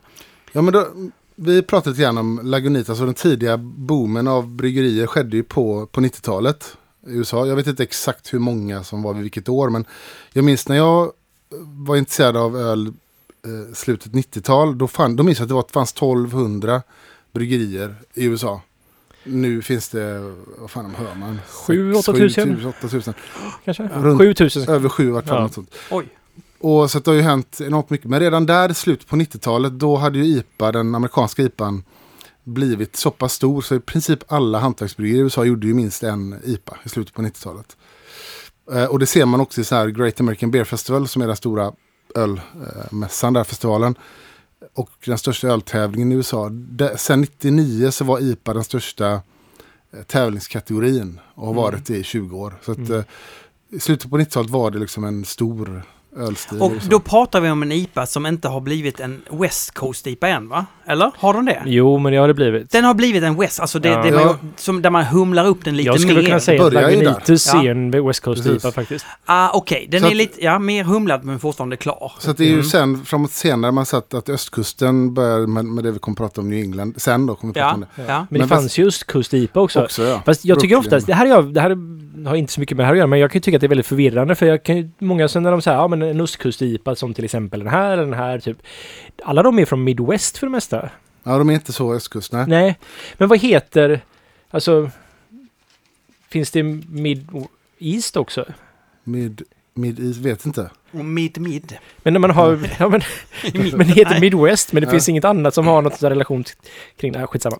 Men jag tror att vad man syftar på är att när, eh, då i slutet på 90-talet, då var det ett antal bryggerier som fick IPA som sin flaggskeppsprodukt. Då. Och då, de var, det var alltid från Brooklyn IPA som vi pratade om. De var ändå så här tidiga den, de var inte först men de var tidiga i den Nej, vågen. Mm. Och sen fanns det ju mängder med västkustbryggerier och Ja. San Diego har ju länge varit någon form av IPA-centrum. Och framförallt dubbel-IPA-centrum. Då. Precis. Och jag tänker även Portland har jag varit mycket Ja. IPA och sen så även om Midwest då med liksom så här Three Floyds och Bells och många av de här som är ganska stora regionala bryggerier som inte når så mycket i Sverige kanske men Ja, precis. ja men de det är ju så här det var ju levebrödet att de hade Ja. en IPA. Samma sak sa... Ja, ja. Ja. det är ju flaggskeppen och det blev ju verkligen en det var ju det som någonstans nådde ut absolut det var ju den stora starken på ett ett bryggeri, liksom Ja, ett hantverksbryggeri, att det var ju liksom enormt viktigt för ekonomin. precis. Men En stabil försäljning av den. du sa något väldigt spännande där. Dubbel-IPA-centrum Ja, i San Diego. kommer- hur, kommer hur in- menar du? Vadå? De, Ja, men man, vi kommer att prata om lite dubbel-IPA strax. Men Ja. låt oss bara köra klart vanlig väst- mm, IPA. ja. Men, eh, vad, vad, sa du Olle? Du sa att... Vad var Förlåt. att, ja, IPA blev den stora grejen för många Ja, precis. Och, och det som också drev på det här var den amerikanska humleutvecklingen, forskning kring humle. Och man började ta Ja. fram nya humlesorter. Ja. Liksom gi- gick ju ihop med hela IPA-bryggningen. Man pratar om de här fyra, C, fyra C-humlorna. C-humlen. Mm. ehm, Centennial, Cascade, eh, Chinook och eh, Columbus. Va? Japp. Som var de här. Cascade var ju den första, så att säga, amerikanska. Men då började man utveckla nya humlesorter och alla skulle ju testa de här. Och det var på IPA man testade dem. Ja. Som du gjorde med CP-ölen. Ja, Det var de tog, fyra, va? Då tog jag de fyra klassiska C-humlesorterna. Jajamän. Jaha, det visste inte jag. Nej, det var ju en extra... meningen. Ja, det var meningen. Jaha, vad var Det var du som visste om det? Ja, ja, ja. Jag försökte ju baka in det här så att de här reklamarna, Martin och som skrev copy och grejer, Ja. skulle ta med det här med att det flög dem över huvudet tror jag. Men jag visste om det. Ja. Och på ölmässor kunde man säga det. Och då, där gick det hem. Ja, just det. Men inte i andra sammanhang. Så, Ja. att, eh, så i princip om man tar slutet 90-tal, början på 2000-tal. Eh, Man ska, jag vågar nog säga att nästan samtliga amerikanska så här, IPer hade ju någon av de här humlesorterna i. Det var ju som Mm. Mm. det man skulle ha. Aha, Ja, men okej. precis. Och väldigt många, alltså det blev ju även då lite hype kring vissa grejer, typ som Ruination IPA från Mm. Stone, som var, det är visserligen en, ja den är stark IPA skulle jag säga va? Ja, till slut blev, till slut blev det väl en dubbel-IPA nästan. För Ja. den växte väl och blev starkare. Så kanske var Ja men det är väl sju, sju och en halv tror jag. Vet inte. Ja, Mm. skitsamma. Jaha. Men den är så här, det är ju väldigt tydlig med Centennial till exempel. Så det blev som så här att vissa av humlesorterna fick ju nästan lite egna liv och det är ju ganska nyligen faktiskt som Cascade och Centennial, framförallt Centennial tror jag, petats ner från vilka humlesorter som odlas mest i USA. Så Mm. mosaik och citra har ju kommit upp där nu. Faktiskt. Och sen kom Amarillo och Simco också så småningom. Just det. Då började de användas mer och mer i Jaha. IPA. Så att... ehm, Och Simco har ju en ganska rolig historia här faktiskt. Är Kan ju- inte den? Nej, alltså jag har hört den här i lite olika versioner, typ som, eller så här, så jag tror det är en sån här liten halvsägen på något sätt, men de hade ju Simco, ofta så har de, alltså det är ju en ganska lång, vad ska man säga, process det här att ta fram nya humlesorter och det är nog kraven eller kriterierna för vilka humlesorter man tar fram och presenterar i slutändan för utvärdering då av bryggare har nog varit ganska olika genom åren. Nu fokuserar man nog väldigt mycket på fruktigheten. Tidigare kanske varit mot resistens mot olika skadedjur och odlingsförhållanden och sådana saker. Och kanske mer att man ville ha andra smaker. Det var nog laggat ganska mycket där så att det, nu börjar det nog bli snabbare och snabbare att det kommer ikapp. Men Simco var en av de här sorterna som de tog fram och ingen tyckte om det här. ja, okej. Det var så här, det var inget intresse överhuvudtaget. Odlare, men det här är väldigt praktisk humlesort och sådär. och sen så tror jag det var så att de har ju den här, jag kommer inte ihåg vad det heter, men det är liksom en grupp med bra bryggmästare eller bryggare som är så här. Ja, men jag tror... eh, Vad heter han på... Nu tar jag bort det. Russian River, nej. Ja, han är med där. Vinnie Caduso, men... Brooklyn Bro. Brewery. Ehm, vad heter han? Du får inte fråga så. Ja, herregud. Ja. Ja. Det här är jättepinsamt. Du har ju poddat med honom. Garrett- ja, Garrett Garrett, Oliver. Garrett Oliver. Precis. Nej, och lite andra och Matt Brynilsson från Firestone Walker och så här att... Så här och så var det någon som var så här att Vinny provade då helt enkelt. Och bara så här, ja men det här är spännande. Så han hade det då i... I... eh, i eh, Russian, eh, i den här uh, Prime Prime Elder. Elder, ja. Precis, och då där var, blev det som att det var den som någonstans satte Simco på kartan liksom. Så helt plötsligt var det som att så här, alla skulle använda Simco och då var det som att så här, alla odlare hade ju redan så här, där fältet med Simco tar vi ner Ja. nästa år och planterar något nytt som folk kommer köpa för det här är ju katastrof Ja, det är liksom. snabbrörligt det där alltså. Det är Ja. jätte, så att Mm. man kan ju fundera på hur många roliga humlesorter som har gått förlorade genom åren på Ja. grund av, ja, Mm. den typen av grejer. Okej, men det kom i alla fall massor med nya Precis. humlesorter. Och det var nu, eh, förlåt. så- Jag skulle nog säga att Simco Amarillo var någonstans så här, där började, där hände någonting tror jag. Mm. Det är för övrigt också en av mina favoritkombinationer av humle. Men där började Mm. också, det som började hända där också var att amerikanska, vissa amerikanska bryggerier började få en hype. Mm. Det fanns liksom inte riktigt den typen av så här att, att man bara hyllade ett eller två eller fem bryggerier innan det. Men det började komma så här när de började göra IPA och vissa bryggerier började bli väldigt duktig på IPA. Vi har Three Floyds, byggde mycket kring, eh, kring Ja. IPA. Russian River till Russian exempel. River, Bells, Ja. ehm, flera av de här var, de var ju liksom Pizza Port. Pizza Port, Ja. exakt. Och även... eh, ja, Stone tänker jag också faktiskt. Stone ja, och Dogfish Head. Ja, precis. Fast jag vet inte, Dogfish Head för mig har alltid varit... Jag har aldrig gillat deras IPor De överhuvudtaget. var så extremt kärva, när, Ja, rätt tuffa. ja, det var ju en väldigt... Jag kommer ihåg att jag drack dem och att jag var så här att mm, det här är inte min typ av IPA riktigt. Men att, jag vet inte, det var ju också det här IBUN-krigen som någonstans kom Ja. i den här sammanhangen. Vad, vad var det för... Vadå? Det man kan ju dra ganska mycket paralleller med Hayes-kriget och. Ja. IBU-kriget. Att de, man skulle göra det så bäst som möjligt. Jaha. Ja, det var liksom... Det är Eh, ju s- superäckligt. ja, och Ja, det här, det, min, svårt, min, reak, min Ja. så här bryggarreaktion, den typen av IPA som jag försökte göra, var ju lite motreaktion mot att jag tyckte att saker, alltså beska har sin plats. Jag har en känslighet och beska, det gick för långt helt enkelt liksom. Mm. Att man, det är roligt att bygga med andra smaker. Men, Ja, det, det. var ju, om man jämför med Nynglendiporna så var det ju det var höga IBU-öl. Ja, Ja. ja. Och i den här boken som han, eh, Stonebryggan, vad heter han nu? Rich. Ja, där finns ju listor på öl vid 90-talet ungefär de hade. För, men det var ju många som hade så här 60, 70, 80 B och där låg ju väldigt mycket till och med i bott som grundbäska liksom. Ja. Så de var ju rejält kärva. Men då var det i alla fall så att bryggerier blev hypade och det Mm. blev no några som blev lite... Kring deras. IPer liksom. Ja, Just det, precis. okej. Som att säga det här och då blev det ju, och då blir det alltså, det här kan ju jag någonstans tycka var lite, kanske lite tråkig utveckling för att bryggeri eller hantverksbryggeri har alltid varit som att det stora roliga med ett hantverksbryggeri är ju att du, det finns ingen begränsning i vad du kan göra. Mm. Du är, du är, din nisch är att inte vara nischad. På ett sätt liksom Mm. att du gör alla stilar, du har ett basutbud av alla stilar. Här börjar det gå mot att det, dels för att den är i högre konkurrens, så att bryggerier började nischa sig till att kanske bara göra IPA. Ja men specialiserat på vissa typer av Ja. öl. Så här. Det, kom, det kom mer och mer ja, och konkurrensen började kännas och sådär. Samtidigt som gillar, jag gillar ju, jag sa kärva, men jag gillar, jag gillar ju beska iper. Um, Mm. Och det finns ju fortfarande, och, men jag kan ändå så här, sakna bra sådana. Uh, så jag, det var ju väldigt öl som jag gillade minns jag, Mm. som, som kom där. Men sen så lite som Olle sa, det var där eh, IBU-krig och så var det även på amerikanskt maner bör man ju också göra starkare också IPer. Och det var här dubbel-IPan Ah, tog Mm. sin start i början på 2000-talet. Eller Imperial IPan. Just det. Det finns det tvistar de lärde om vem som Ja. var först med. Var det antingen Imperial IPan eller var det dubbel-IPan? Mm. ah. Mm. Och i den här boken så beskrivs också en, en diskussion då som är fånigt men ändå lite roligt. Vem, vem gjorde den första dubbel-IPan? Och då finns det ju det finns två namn so, som nämns då. ja. Det är ju dels eh, Rogue, bryggeriet. Man säger Rogue va? Ja, Utan- ja. Och han, vad han nu heter, han med eh, känd som profil, Jim... eh, Bryggaren på ja, Rogue. Brygga, ja. Ja, vad heter han? Jim. Han verkar väldigt sympatisk. Eh, Resten av Rogue verkar inte så sympatiskt, men... Nej, men jag kommer på det snart. Ja. Men det är han som de gjorde ett öl som heter Beard. Beard där de tog uh, bakterier och jäst från hans skägg och odlade upp och gjorde ett helt...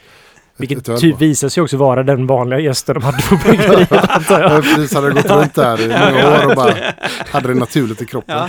Ja. Eh, om det, för han gjorde ett öl och det var ju tidigare på 90-talet en väldigt eh, stark IPA som var också väldigt, väldigt välhumlad. Mm. Som man kallade IIPA Ja, faktiskt. Imperial IPA Ja, liksom. precis. Men... Och han... Fast han sa, i den här boken, så- jag vet inte om han påstod att det, var, att det stod för in, Imperial, utan det var Double Square IPA eller vad något så här folk kallades den. Ja, okej. Men inte IIPA. Okej. Mm. Jag vet inte, jag ser det ändå som någonstans som att Russian River Rock, eller det var Mm. inte ens Russian River då, det var väl Blind Pig? var Blind det? Pig, ja. Och, det, det, och då, antingen var det det ölet eller så var det ett öl på Bl- Blind Pig som Vinnie Celerso. Ja. Så uttalar man det va? Eller Killers, jag vet faktiskt inte. Celerso. Ja, ingen aning. Jag vet Men inte. någon av de här gjorde Någon ändå... två. Uh, Ja. Det var först då. Och han, då var han på ett ställe som heter Blind Pig. Och enligt den här boken så var det ett, ett, ett kastbryggeri men han, och han, det var lite problem när De han kom hade dit. plastjästankar tror jag Ja, problem med, med liksom infektioner och lite så här. Så han tänkte om jag kör ett, jag maxar ett öl, gör det jävligt starkt och jävligt bäst för att liksom eh, dölja lite felsmaker. Eh, så att någon av dem, och de har pratat tydligen ihop sig så här och Ja. har kommit överens om att ja, men låt oss säga att vi båda gjorde det då, för att de kan inte säga vad som var först. Ja. Ehm, Ja, Blind Pigs görs ju fortfarande av Ja. Russian River. Det är ju faktiskt en väldigt så här, det är en, vad många anser vara den mest klassiska amerikanska IPan. den- Jag har bara druckit en ganska gammal vid ett tillfälle. Jag har druckit en färsk och den var jättegod. Så här. Och, ja men så där, där har och sen så brukar man säga att den riktiga starten för dubbellipa som räknas som en eh, Stone gjorde en som du sa. Mm. eh, Som var en av de första som var i, i produktion hela tiden. Men sen har vi då eh, Pliny the Elder. Ja. Som räknas som, det brukar vi räkna som originaldubbellipan även om den inte var först då. Men det var ju han, samma kille, Vinnie Celerso, Celerso som hade gjort den på Blind Pig som gjorde den Mm. här. Och det är ju ett klassiskt öl som jag, vet inte, jag gillar den väldigt mycket men jag, jag har läst en del som inte gillar den idag som tänker, besvikna att den inte är och så här som provar den. Jag har aldrig riktigt tyckt att den är sådär. Det är en, men jag tycker den är för besk liksom. Det är, Ja, jag, du tycker det? Ja, Mm. jag tycker att den är för Jag har druckit en färsk och druckit en gammal. Och jag... Visst, det är, det är mycket Simco. Simco i sig kan vara problematiskt kan jag tycka också. Det är inte riktigt min favorithumle. Jag älskar Simco som en på den heta sidan och som en stödhumle i öl, men inte som en så dominerande öl som den är där. Eh, men i det alltså... Ja, jag tycker den är för torr och för besk för Ja, min ja. palett helt enkelt. Det är, Ja, bara, ja, det är inte äckligt på något sätt, men den hypen det har kan jag tycka att... Jag kan förstå den, men jag, för mig är det inte värt. Eller så här, jag, jag, det är inte min typ av... Men idag har det väl kanske mer av klassik, en klassikerstatus. Så det känns det inte kanske så hypat längre. Men jag, jag gillar den. När den är så här färsk. Jag tycker det är extremt gott. Så den är ju... Men, men dubbel-IPA, vad har det med, med alltså, får, vad, vad, är inte det en återvändsgränd? Alltså, det blir ju dubbel-IPA. Dubbel-IPA, utvecklade det inte någonting vidare eller? Nej, alltså, Alltså ja, så- tri, trippel-IPA. Quadruppel-IPA med. Nej, okej, men nej, Ja, okej. Du har för lite Men- fantasi här. Nej, men okej, men, men, och då får vi ytterligare eh, en stärkning i att eh, bryggerier blir hypade och så vidare. Ja, Och de- precis. mm, Dubbel-IPan ledde ju ännu mer till det. Liksom, Ja, att det blir ja. så här, Men alltså det finns ju någonting magiskt i det här dubbel. Alltså Mm. double. Ja. Vi pratade om dubbel, double dried hop tidigare. Mm. Det är ju något, folk gillar ju bara det här att det heter double. Är, Dubbeljapp. Ja. Alltså du kan ju egentligen, alltså det är det mest, ja, det måste ju vara det mest smarta varumärkesknepet någonsin. Ja, vi sätter väl double först bara så Ja. blir så tror folk att det är dubbelt så bra. Ja. Det är så här, den lättaste psykologi som finns. Ja. Eller ni får bara lägga på så här, eller stå på nu, nu 30% mer humle.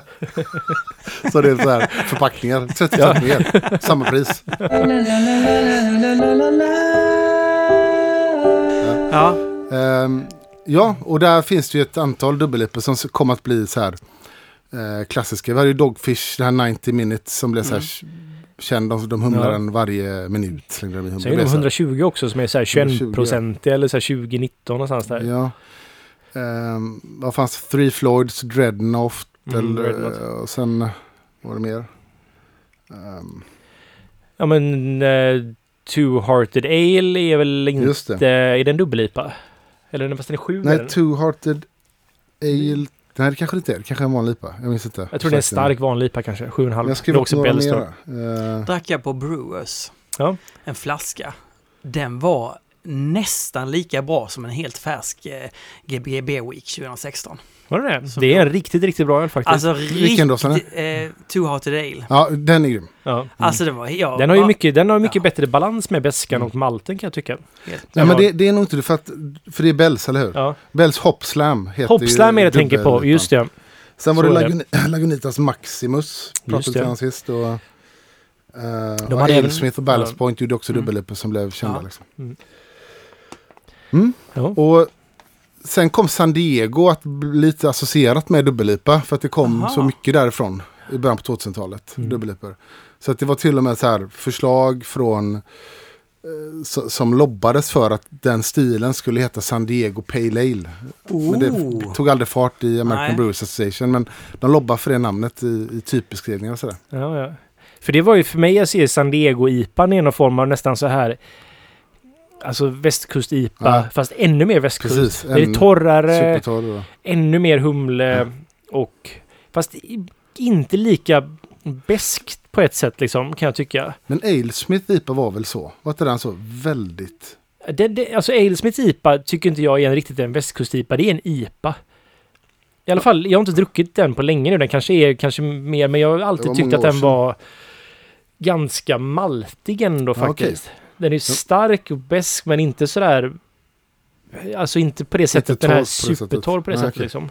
Nej, det var länge sedan jag drack den. Men jag minns att den var... Jag gillade den. Sen så är det alltid svårt i och med att man bor i Sverige och man har druckit de här ölen i olika skeden av sitt... Sin, så att de kanske inte alltid varit så färska. Nej. Och det är svårt att avgöra hur en öl smakar, eller en IPA Ja. framförallt när den... Vad, vad hette till exempel de här San Diego-bryggerierna? Det- Ni nämner inga namn där. Det jo men det Ale finns- Smith, det finns Ale även Smith är en sån. Pizza Port är väl ett av de... Okej, det var också... ett- Alpine ligger ju väldigt nära... Ligger inte Ballast Ballast Point? Point är också därifrån. Ja, va? okej. okej. Ja, men då fick jag lite namn Ja. här. Skönt. Och så finns det Ja. mängder med eh, mindre, eller som inte en, Mm. finns, i, finns i Sverige, eller så här Mm. mindre bryggerier. Ja, det är väl ett av världens bryggeritestaste Ja. områden kan jag gissa. Det finns hur mycket som helst. Ja, och vad hände sen mer om man ska ta så här IPA timeline? Sen Men det, Black... det blev väl någon form, tänker jag så här, jag, det här är min egna tolkning av det här historien, att dubbel-IPan, det var ju som att så här, ja det finns trippel-IPA, Pliny the Younger till exempel gjorde de ju som de gör en gång om året när den nya skörden kommer in som är en Mm, 11-procentig just det. version av Pliny the Elder helt enkelt, som heter Pliny the Younger då. Som kanske till... Borde rimligen vara världens första så här köa-öl. Köa till Ja. stället att köpa öl. För det är Jag, så här, jag, jag vet inte när bara på ja, plats. Jag tänker att det är antingen den eller så är det Three Floyds som hade det med sin... med sin, eh, paste, med sin pastry stout där. Ja. Som inte kanske var en pastry stout från början, bara en jävla stout. De hade inte massa grejer i kanske. Jag tror inte det. Eh, du menar eh, Dark Lord. Dark Lord Day. Just det. Det kom Barnaby in här nu igen. Ja, det var ju han som uppfann det här lite grann tror jag. Just Ja. det. Ehm, ja, men så Black Ipan får man prata om också, även om den nästan är död. Ja, men det är lite mer så här att det kommer ju någon form av så här kanske lite mättnad efter den här att ja men nu har vi dubbel-IPA, vissa börjar med trippel-IPA, men sen måste man säga vi, Vad gör vi nu? vad gör vi nu ja? Mm. Nu så här, nu, nu sätter vi IPA bakom eller framför allting liksom. Ja. Och, och då är nästa steg Black IPA. Ja, Då Ja. jobbar man med färgen eller, eller vad, vad, Ja, vad är en Black det som är intressant med Black Ipan är för att nu finns det några personer som ändå är så här, man brukar prata om när man pratar Black Ipa. Tre personer. Och de tre personerna återfinns också när vi pratar sen Hazy IPA. Ja. What the? Ehm, Jaha. Ja, och då är vi på... Nu är vi på... Det som är lite intressant med Black IPA så kommer till att namnet eh, Black IPA har ju varit med sig mycket diskussion om. Eh, det finns ett ursprung. Man vet att de första varianterna byggdes på... Ja, det är Vermont då. ja, vet man verkligen det? Ja, för att det var han John Kimmick när han jobbade på... Eh, vad heter han som är död nu? Ölboksförfattaren. Noonan. Greg Noonans pub. Ja. Det brukar man säga att det är de för, Och det var ju ändå tidigare på 90-talet. Jag tror det var Greg som bryggde de första svarta IPorna också. Men i Eller? den boken så var det att han, han kom dit som lärling. Ja. Eh, eh, förlåt, Greg var först ja, men John Kimmick kom dit som lärling. ja, precis. Ja. Så, förlåt. Ja, så Greg var ju han som startade den bryggpuben. Mm. Så han eh, gjorde de första sägs de, och det här var på 90-talet någon Ja. redan. Eh, men så var det ju några år senare började man på västkusten. Cascadian Dark Ales kallar man det där. Ja, Alltså, uppe i, eh, alltså i Portland, Oregon-trakten då. Där, ja vadå? V- Vad är det då? Eller då, där börjar de också göra humlig svart. Ja men hur gör Öl. man det svarta? Vad, vad har Ja, man men i? det kan man göra så... Från början, från början var det väl som så här, uh, Olle Man gjorde, det där jag bättre, tror men- man gjorde typ porters egentligen som man torrhumlade liksom. Mm. Det var väl att man tog en teknik och så insåg man att ja, men det här blev, det här rostade gör att det blir ganska torrt. Det blir inte så chokladigt utan beskan liksom tar bort mycket av liksom den malten och så var det så här, men då, det var ganska gott men det kanske blir lite strävt det här så då blev det naturligt. Men då tar vi, tar vi, men vi vill fortfarande mörk liksom. Det är en liten mindfuck också. Det är en rolig... Ja, det blev som en rolig det är en liten plojig Det, grej är- det är en liksom. humlad porter? Vi Nej, pratar fast- nej? Nej men det det från början kan jag lite tänka så. mig att det börjar som Aha, det. okej, det men att det ganska snabbt utvecklas. Man vill ta bort lite rostade för att det kan vara ganska Ja. strävt med humlen om det är fel. Mm.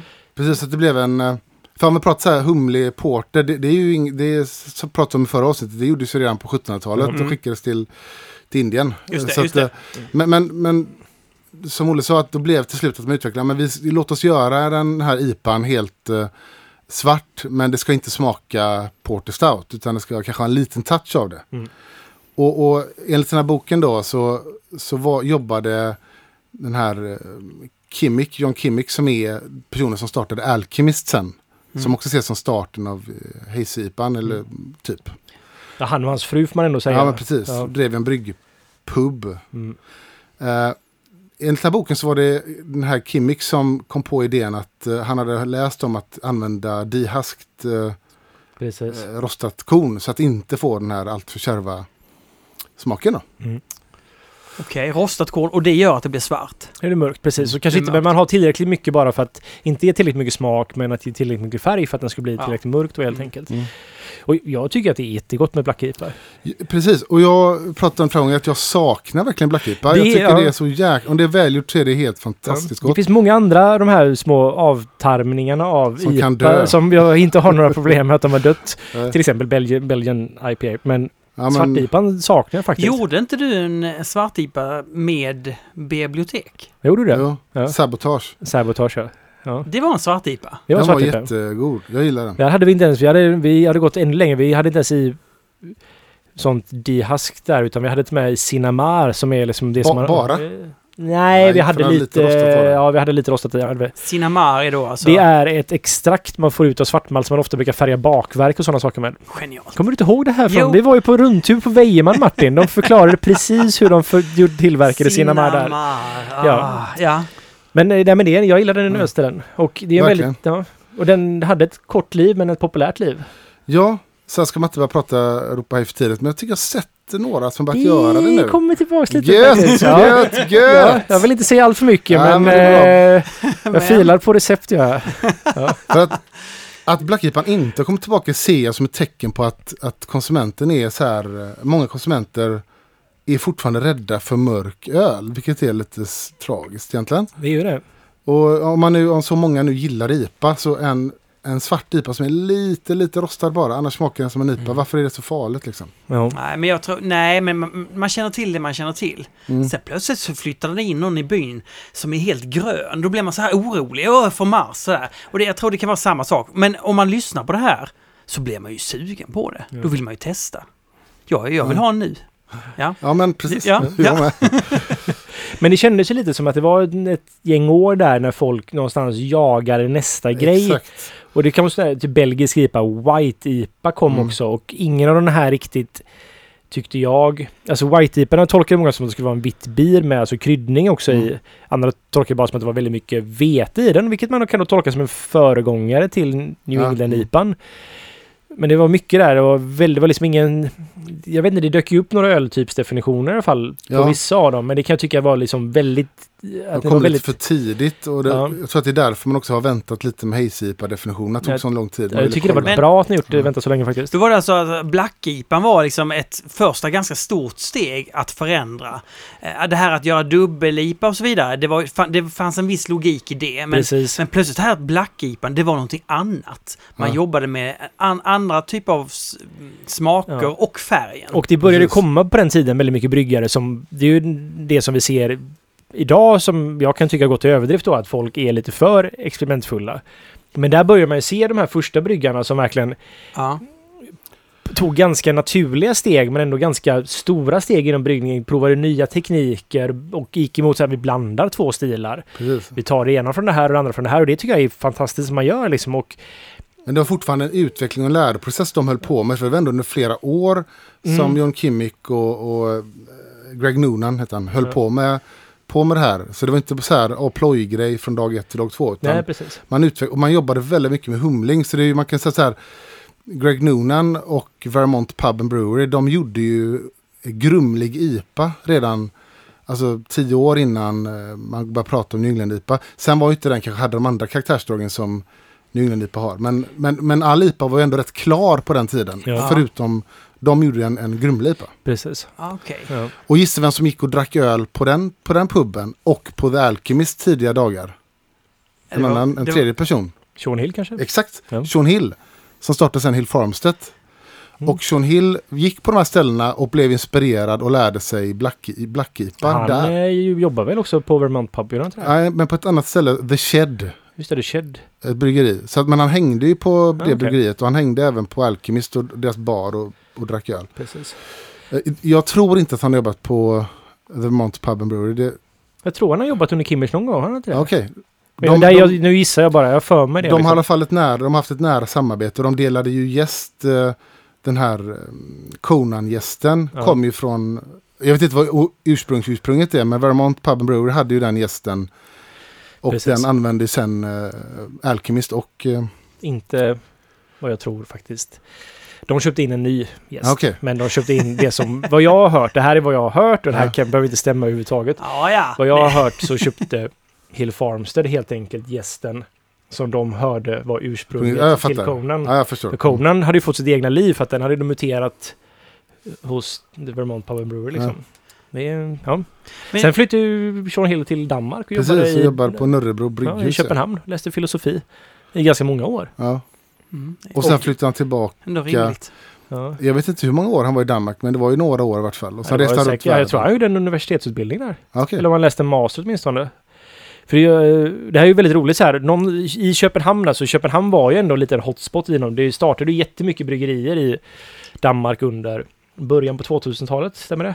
Typ. Mm. Sen la- lades det ner också fruktansvärt Ja, många bryggerier. De hade, det var en sån... Kanske vad som kommer hända i Sverige, vi får se. Men det startades många bryggerier. Sen lägger de ner massa. Men det var marknaden var inte, var inte så stor av, förmodligen av intresserade konsumenter i Danmark på den tiden. Precis. Lite den känslan som jag fortfarande har i Danmark när man går på vissa festivaler och så här. Att det är väldigt mycket svenskar och amerikaner. Ja. Mm. Men ja, det jag tänkte säga var så här, det är väldigt roligt kan jag tycka, för att jag har sett bilder från ett av mina favoritställen som heter eh, Öl, står det bara utanför, med en neonskylt. Jag tror Mm. den heter Ölbaren. Eh, eller jag ja, den, de, de säljer öl och de har ofta väldigt bra utbud, välkurerat sådär. Och där har jag sett bilder så här från, jag tror det var när Sean Hill skulle åka hem. Så var det en, eh, en kille som jobbar på ett svenskt bryggeri, eller en distributör rätt sagt i Sverige som var där och sa hej då. Och då är det liksom Mikkel, det är Mike från Larvig, det är Sean Hill, det är Ryan Witter. Det är så här ett stort gäng av personer som alla har gått någonstans och blivit jätteframgångsrika bryggare. Liksom. Det var liksom en... Du vet, så när, ja, men just Köpenhamn var ju någon form av hubb i det hela. Ja, där liksom några väldigt viktiga personer träffades, filosoferade kring öl och tog det här vidare som stora företag sen liksom. Och i början där också. Han var ju också så här god vän med Mikkel och var så, här, eh, Ja Sean precis, Hill. ja, men Och, Micke var med på det här fotot det också ja, liksom, och det var ja. en... Det var väldigt så här... Så du god vän? Eller ovän? eh, god vän. Ja. God vän. Ehm, Idag tror jag bara med vänner. och så flyttade, flyttade han tillbaka sen till eh, Vermont och tog över sina släktingars gård där. Mm. Ja, Och det. började göra ehm, Black IPA och han började göra New England IPA som vi ska prata om. Och Ja. som han då också hade blivit influerad av Alchemist och eh, Vermont Pub and Brewery med den här Greg Noonan. Då. Innan vi... Jag, flika in en väldigt rolig grej. Olof flika tipsade mig om en väldigt rolig... Att så här, ah, det här är en dansk, du får följa den här bloggen liksom. Det här är en dansk som har flyttat tillbaks till Vermont. Min gamla polare Dan jobbar på det här bryggeriet. Olof pluggade i USA ett år på college. Ja, Hans pappa var gästprofessor där och liknande. Och lärde känna en kille som sen jobbade på Hill Farmstead under de första åren. Ja, Okej, Så jag följde det här, alltså hans blogg lite då och då, för att då hade vi ju börjat snacka om bryggeri och Olof. coolt. Och så här... sen slutade jag det och sen plötsligt bara så här, vänta nu, det här är världens mest hypade bryggeri. Det är ju samma det här, det är jättekonstigt. Fan vad skumt. Ja. Ja. För jag, det jag tänker på är här nu, ni, ni nämnde ehm, eh, vit-IPA, ni sa inte, eh, och- White IPA. White IPA och, och ni nämnde olika, v- v- alltså förutom Black-IPA då. Men Belgien IPA Eh, kanske man ska nämna lite ja, också. kan man Vilka göra. sorter fanns det alltså? Eh, Och ska vi börja med Belgien IPA, Ja. vi- vilket var också någonting som man inte ser så ofta längre. Jag, jag tror ursprunget till det är väl lite oklart, men det, det finns ju och har funnits länge belgisk eh, US Ale som var väldigt Mm. välhumlat. Det Ja. första jag, så här, jag kan komma att tänka på är ju den här Raging Bitch, heter den det? Ja, Från, från, någon... eh, Det är de som har han eh, skjutjärnsjournalisten som, eh, Ja, Gonzo... just det. Eh, vad heter han? Han som Gonzo. Som Fear of Loathing i Las Vegas. ja, ja, ja. Mm, ja Eh, precis. De, de har Dog, Flying Dog. Flying Dog heter de ja. Ja. Ja. De gjorde en vet jag i alla fall och det var nog första gången, eller nej, den kan jag tänka mig som jag vet i äldst i alla fall. Men det var, är, ja. det var just att man försökte, bara- man försökte väl hitta nya grejer. Man tog ju då den här peppriga, alltså belgisk gäst och tänkte att ja, men vi kan Mm. humla någonting med det. Ja. Jag Ja. tycker aldrig riktigt de gifte sig sådär jättebra i smakmässigt. Är brittisk eller eh, amerikansk humle och då belgisk gäst. Nej. Green Flash hade ett öl som jag gillade i och för sig, som Le Freak. Eh, som var en Var det Belgo- en, var det en belgo belgipa. Och Ja, den, okej. men, men generellt så Därför tyckte den jag... alltid smakade så konstigt. Jag gillar den. men, men, Jag men har aldrig tänkt på att det var en belgoipa. Okej, Det är ju en av få belgoipor som jag har gillat. Annars så tycker jag lite som du säger att de, det krockar den här fenoliska kryddigheten och sådär från belgisk gäst med fräsch humle. Det blir konstigt ja. Mm. Mm, ofta. mm. Okej, och, det, Ja. och det, den hade ett litet liv, men det görs inte så mycket sånt idag? Nej, eller? det är kanske någon som Nej. har kvar det som en så här... Alltså, ja men vi vill inte ta bort den. Den säljer fortfarande lite grann, men Ah, vi vill inte... Nej. Men det är ju ingenting som du tjänar på att skriva på belgoipa. Det, det säljer Nej, inte nej, som nej, nej, det inte- Sen koncept. så får jag väl ändå säga att torrhumlad saison har väl tagit över lite kanske. Ja, kanske. Den. Det funkar bättre faktiskt om man ska vara helt ärlig. Men ja.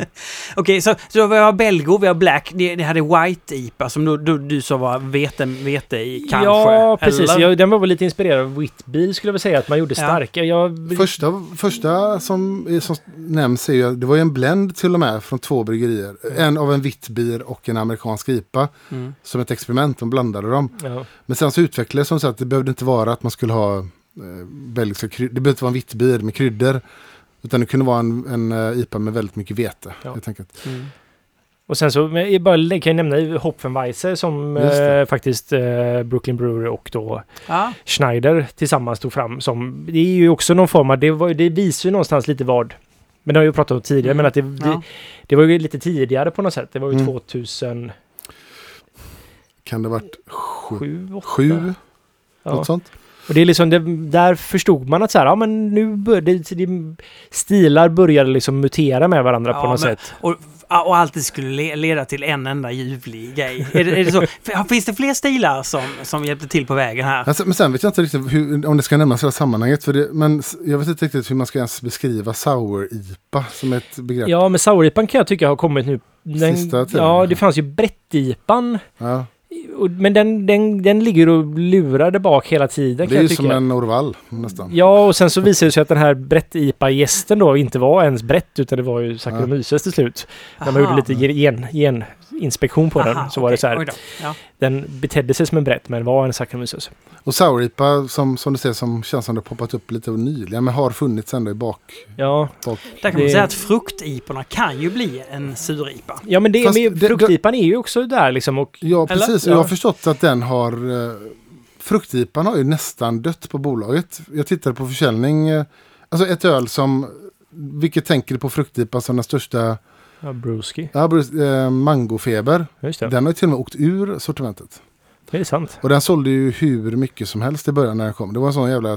När den kom och jag gillade den och första tiden tänkte man att det här kommer bli en... Det här kommer ju finnas i många, många år. Liksom. Mm. Men den... Den fanns ju ett antal år men nu är den borta ur sortimentet. Jo men det har ju gått vidare då till fruktsurisar helt enkelt. Mm. Så att, Ja, just det. ja. Okej, är vi redo nu då för... eh, Eller finns det Nej, inte ytterligare? än. Nej, nej, nej. Kör på. Du, är så jävla, du vill verkligen prata om eh, Nej. hejsipa Martin. Nu gör vi det. Nej, men jag, vill- jag vill också klara av allting. Jag vill inte miss- missa någonting i hela den här IPA-strömmen. För jag tycker det är så intressant att höra om alla sorter. Mm. Eh, För, Och sker, men- sker allt detta i USA fortfarande? Är vi i USA hela tiden när vi pratar om detta? När vi pratar om Belgo-IPA, när vi pratar om... Ja, det skulle jag säga. White-IPan skulle jag kunna tänka mig vara lite en europeisk uppfinning ändå. Jag jag vet inte vad som... Jag, jag tror så här, både White och Belgo har ju såklart kopplingar till Belgien. För där vet jag att det var ju Mm. något... Ja. Eftersom Belgien ändå haft humliga nästan... Ja, men jag tänker på XS Bitter och Mm. lite så här väldigt humlig ale, ljusare ale. Eh, men att det var ändå USA som någonstans konceptualiserade namnet och sådär. Det får man nog säga. Mm. Som inte har, ja men som också kan lova att, desto Ja. längre du är från någonting, desto Mm. mer får du lov att, alltså är du i typ, alltså i Texas så kan du inte göra typ, jag vet inte, annan typ av barbecue som är från söder någonstans. Där måste du göra Texas barbecue, men är du i norra USA så kan du få lov att göra båda två samtidigt om du vill, det spelar ingen roll. Jag kan tänka mig också att många amerikanska bryggare hade en förkärlek för belgisk öl och det, det europeiska grunden för allt. Ja, ett otroligt romantiserande ja. om... Oh ja, oh ja. Eh, Okej, ja, okej. Men, men det är ändå i... Bruttipan har vi inte pratat om. Det är sant! kan vi skippa det här nu? Vi hoppar det. Men Bruttipan ja. kommer inte då. Det kom- har kommit Nej, det är ju ganska nytt. Ja, det är kommer ganska det. ja, vi, kan, vi kan avsluta med det här. Ja. Ska vi avsluta med Ja, ja, Men, och då är det ändå så att det är i USA som de första New England-iporna görs. Förmodligen i New England va? Ja, Eller- Vermont skulle jag säga. Vermont. I Vermont. Och det, det är ju det här som, eh, om man ska tro den här IPA-boken då, som ändå är ganska ny och den är bra och eh, han har intervjuat mycket, mycket människor. Det, som det jag nämnde förut, är, man ser någonstans en liten start igen då på den här Vermont Pub and Brewery där Greg Noonan, som han dog i cancer 2008-2009, skrev flera ölböcker åt Brewers Association. En jättebra, vad heter den? Lager Brewing. Ja, precis, någon eh, lagerölsbok så gjorde han den här Scotch Ale-boken. ser- Han har gjort flera böcker den här Precis. Och New Lager Brewing är en uppdaterad version. Den är jättebra i den. Speciellt om du vill få, få lite förståelse för malt framförallt. Så där lärde jag mig mycket. Den är, Mm. man fick, jag fick ta det långsamt när man läste den, men den var väldigt bra. Ja, och han är så här, om man pratar med dem, liksom skickliga bryggare och sånt, så han är en sån ikonfigur som, inte, som är lite bortglömd idag, men Mm. har varit väldigt viktig för kunskapen i USA. Ha- Han gjorde ju på sin bryggeripub där väldigt humledriven öl och Ja. eh, gjorde eh, hum, IPA som inte var klar helt enkelt. Medan alla andra IPA var rätt klara, västkusten. Här skulle jag vilja bara tillägga en grej. Att IPA i sin naturstadie vill inte vara klar och har du en bryggpub så Hinner den inte bli klar? Eller vadå? Nej, men att du, alltså visst du kan använda biofine eller något klarningsmedel för att få den klarare. Vissa gäster pass funkar inte det så bra på, det kommer inte hända i alla fall. Du har kanske, du vill inte filtrera en öl på en bryggpub. Ja, det kanske ligger i det. Att Men det så här, och ska du vara en storsäljare på matvarubutiken, då Mm. måste ölen vara klar. ja. Men där kunde du faktiskt med att servera öl som var grumlig för att du är så små volymer och du gör det Mm. egentligen bara inom dina egna, alltså dina egna Ja, men Ja. Det, det är en jävligt bra spaning och det hänger ihop med hur alla de här hypade, i princip alla de här superhypade New England-bryggerierna har ju byggt sin verksamhet på, eh, vad säger man, på att man säljer bara sitt öl på plats. Precis. Och för att den ska vara så färsk som möjligt. Man äger eh, hela konceptet liksom på exakt. ett sätt som gör att man kan också berätta. Man kan ha storytelling om ölen. Ja, och en så här- grumlig öl är ju ett, är för ofta ett tecken på att den här är väldigt färsk. Den har inte ens hunnit Färsk. liksom, sätta sig. Okej, Ja. men han gjorde den här lite grumliga ölen. Ja, och men John- vad är nästa steg? Då? John Kimmick då jobbade där. Eh, Ja. Han startade och, och lärde sig i den här intervjun att eh, han tyckte det var okej att ölen var grumlig. Liksom. Det var, Ja. Och han såg ett värde i det och tyckte att den blev lite rundare och sådär. Ja. Och då startade han eh, Alchemist. Eh, också en bryggpub från början. Och började göra Heady Topper så småningom. Ja. Han har ju berättat en väldigt rolig historia. Hedde Topper, det här var en liten bryggpub. De bryggde nere i källan i... Jag kommer inte ihåg vilken stad det är, men det är någonstans i Vermont-trakterna. Och så... Burlington? Nej. Var det Burlington? Ja, det kanske det var. Och så... Alltså, och där sålde de ju då bara det här på fat. Inga paketering i form av flaskor eller burkar f- var inte ens på karta då liksom. Eller jo, det kanske var, men inte sådär jätte... inte, på den, inte den typen av bryggerier. nej. Nej, och så... Men de kunde ju då spåra via Ratebear att det var någon som sålde, för den här Heady Topper fick någon form av lokal liten hype så här, men väldigt lokal för det här är fortfarande jättelitet bryggeri liksom att Ja. den här IPan är riktigt, eller den här dubbel-IPan då är riktigt, riktigt bra att... Så att de listade, listade ut till slut vem det var då som tog med sin öl, alltså från ett glas, in på toaletten, hällde ner det i små flaskor så de korkade igen och sålde på någon andrahandsmarknad. och det är Inte, liksom, inte ens growler utan han gjorde det själv på ja, toaletten. han gjorde det själv på toaletten. Ja. och det är någon form av så här förvarning vad som ska Faktiskt, komma liksom sen efter det här. verkligen. Sen så tråkigt nog, den här bryggpuben de hade blev totalt demolerad i Sandy, eller vad hette den? Det var en storm i alla fall som drabbade... Caroline, nej. Ja, En, en, en jättestorm. Mm. Som, ja men- eller nå- något flicknamn hette den. Men, inte det. ja. Mm. så den, de, de, den översvämmades och lokalen var i stort sett körd liksom. De fick försäkringspengar och de hade någon form av så här han och hans fru då, och hans fru är businesspersonen. Han är den, eh, vad ska man säga, Mariana-rökande bryggaren i det här sammanhanget skulle jag gissa. Ja. Målet med Headtopper, Är ju, att det ja, ska smaka... Och det har han, precis, en, så eh, han har ju beskrivit hur han och Greg Noonan försökte efterlikna det här så mycket som möjligt och tyckte att den dagen de kan få öl att smaka precis som Mariana så har de lyckats. Lyckats. Liksom. Ja. Men, eh, ja men så de tog sina pengar från det här eh, försäkringspengarna de fick från, för de har ju känt att så här, fan driva pub, bryggpub var väldigt mycket slit, vi, det var liksom, vi började bli äldre. Så de startade ett produktionsbryggeri istället och då tänkte de, hur fan ska vi få det här att gå runt? Så de började bara producera headtopper på det här produktionsbryggeriet i stort sett. Det var Mm. liksom det som var, och dels var det väl att folk ville stödja dem, Mm. för att det var liksom så här, de ska komma upp på fötterna igen. Mm. Det här fick en enorm hype på ett sätt Extrem som hype. Man inte riktigt... Och det skapar modellen då från det här att du kan sälja ölen. Det har ju med lite med distribueringslagarna i USA. De är ju Ja. väldigt olika från delstat till delstat. Men att... För jag tror inte de kunde ha bryggpub och distribuera samtidigt. Jag vet faktiskt inte riktigt. Men...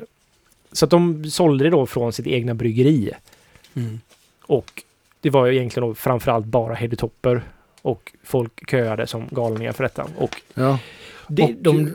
Och så, såldes på, på några ställen runt om i byn där, men de var tvungna att ha Precis, kylförvaring ja. och allting.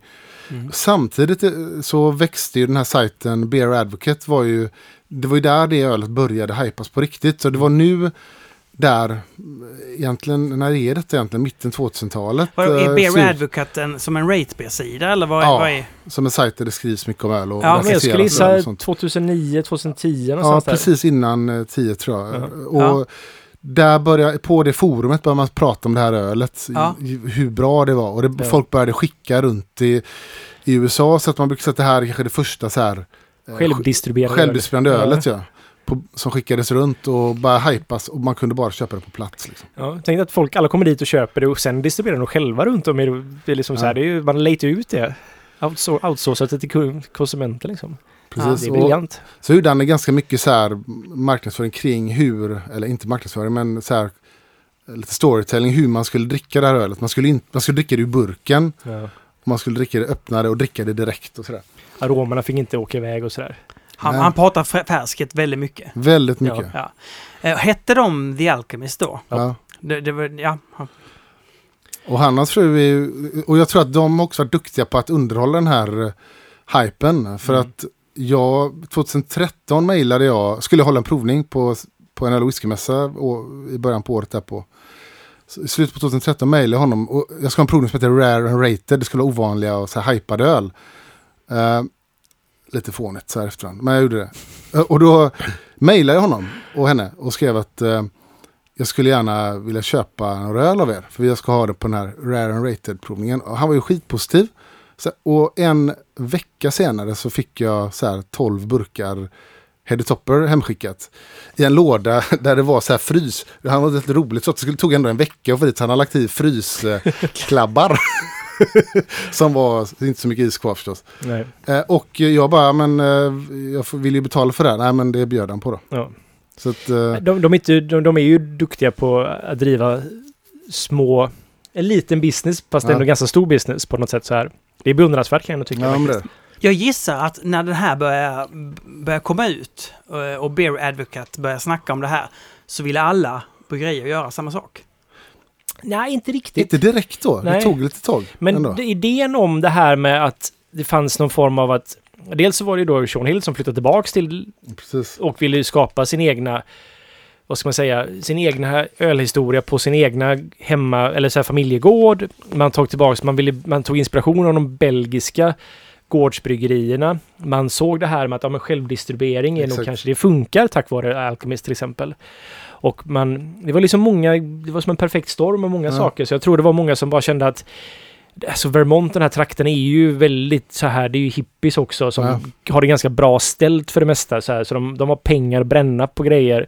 Så de kanske inte behöver göra allting för att det ska säljas eller vara helt... Du Nej, kanske är lite precis. fördomsfull, men jag, jag tror det kan vara, ligga lite i det faktiskt. Och att man, det är ju väldigt mycket att man lokalproducerat, det är liksom...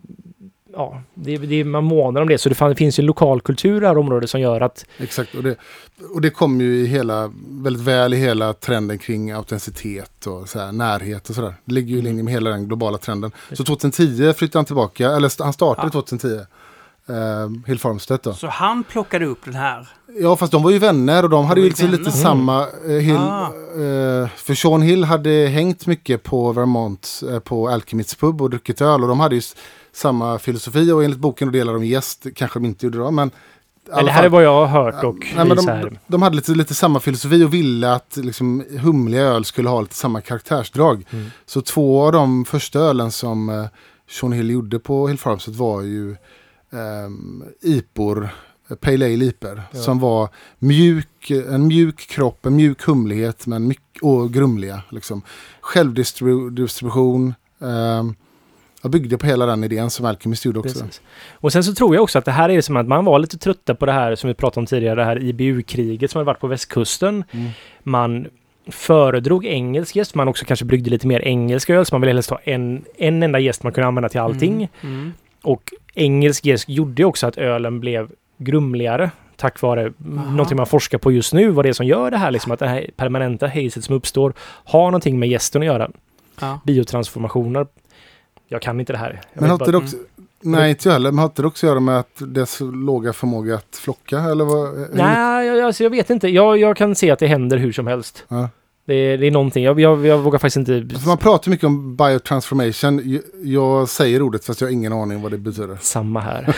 jag har försökt läsa om det här, men det här flyger mig över huvudet faktiskt. Ja. Så att eh, jag vill inte säga för mycket om det. Men den här engelska gästen gjorde i alla fall att det är ju, de här gästerna ju, har ju hög flockuleringsförmåga egentligen. Mm. Det är ju det som... Och jag tror att de ville nog brygga klar IPA egentligen. Men samtidigt så vill de inte kompromissa med hur de torrhumlade. De torrhumlar varmt. De gillar ändå att hur mycket smaker de fick ut av den De gillar den här riktigt danka smakerna helt enkelt. För att de också förmodligen gillade gräs rätt mycket.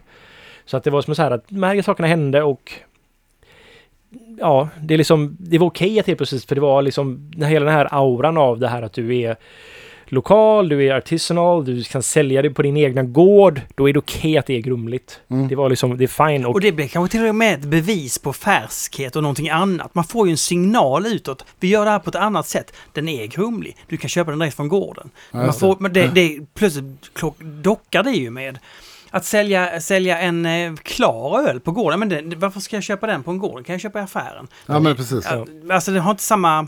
Nej. Men okej, så vadå? Var, Hill Farmstead var tvåa på bollen då alltså? Och gjorde världens andra? alltså för nejpa. mig, ja, för mig är de, alltså han skulle stått här och jag sa att han var världens första New England IPA-bryggeri så skulle han ju bli alldeles vansinnig på mig. För han, enligt honom själv så brygger han ju IPA. Rätt och slätt, inget annat. Han brygger IPA. Men vi, vi skiter väl i vad han tycker. Ja. Utan, I sammanhanget så gör vi faktiskt Jag kan respektera hans åsikter om det för han vill ju bara göra vanlig Ja. IPA liksom. Det var att han gjorde vissa val med gäst och sådana saker. Och men för mig är han original. Jag kan förstå att man ser hela John Kimmick, Alchemist och det innan. Men någonstans så hände någonting där för han såg inspirationen från Saisons och gjorde sina IPor med vete och havre också.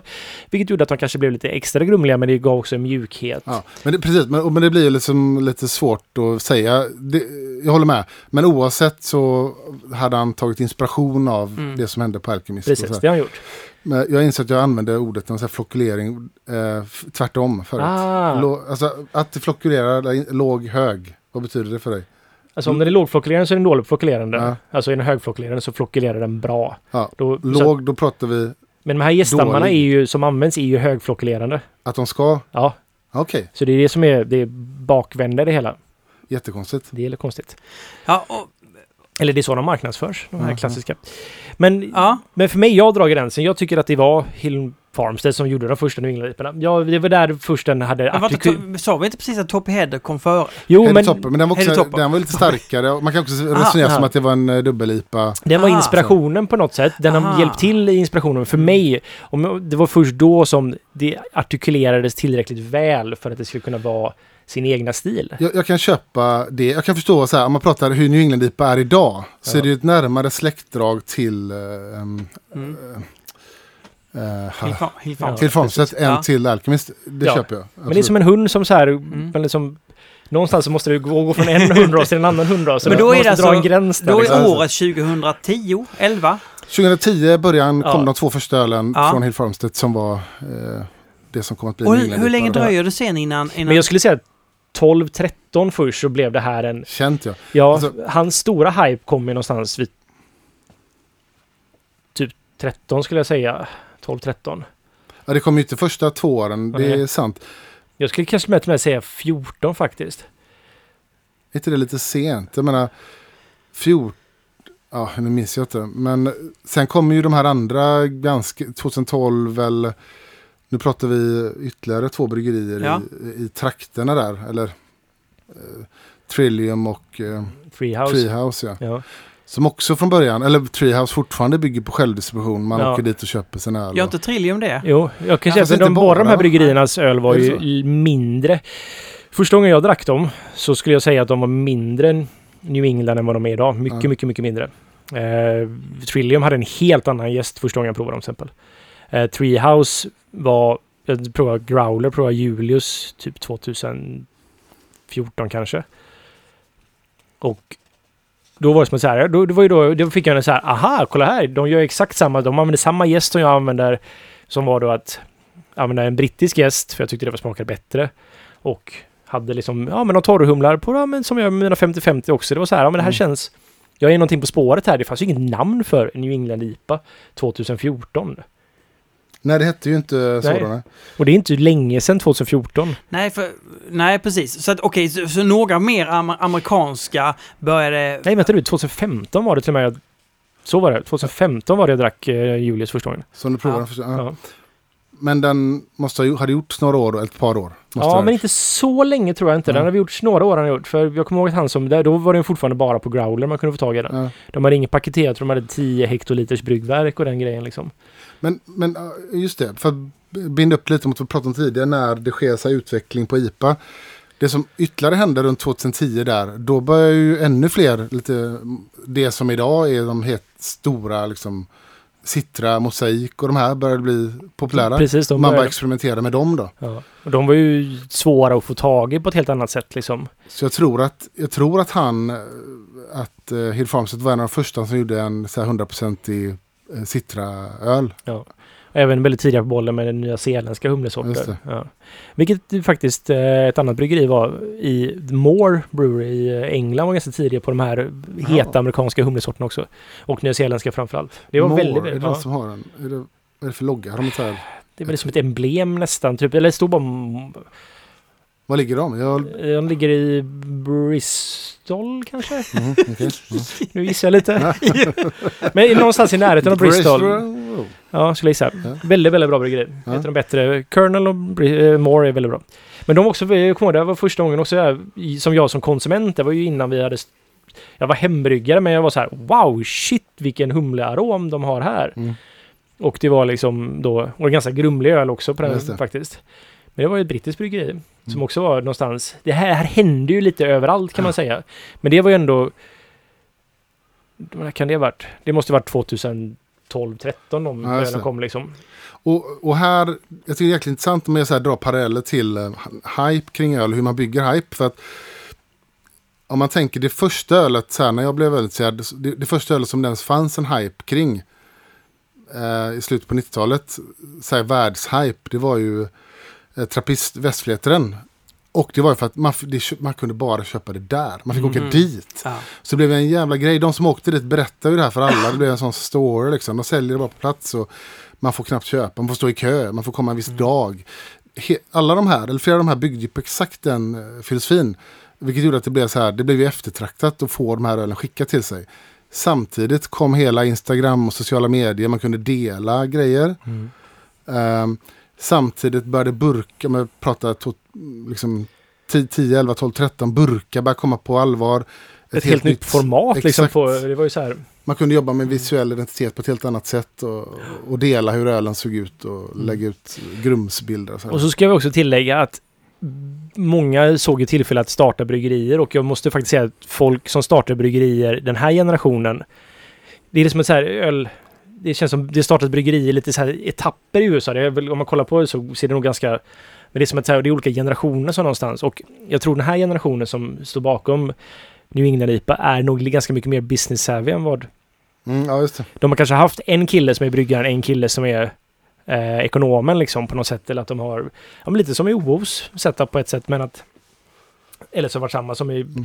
att de har, de har tänkt mycket mer kring business medan andra har varit så här, jag vill bara brygga öl, det här är Ja, min hobby Mm. och så säljer jag till vad som helst och i vissa fall har det gått jättebra för att de har gjort väldigt bra öl och blivit jättestora och så här jätteregionala men många så har det inte riktigt funkat men här tog man liksom att man vill nog ha kontroll över mer av sin egen business än vad man har Och duktig på marknadsföring och, och sådär. det jag tänker på nu här är att nu har vi kommit fram till det som är det intressanta med, med New England IPA.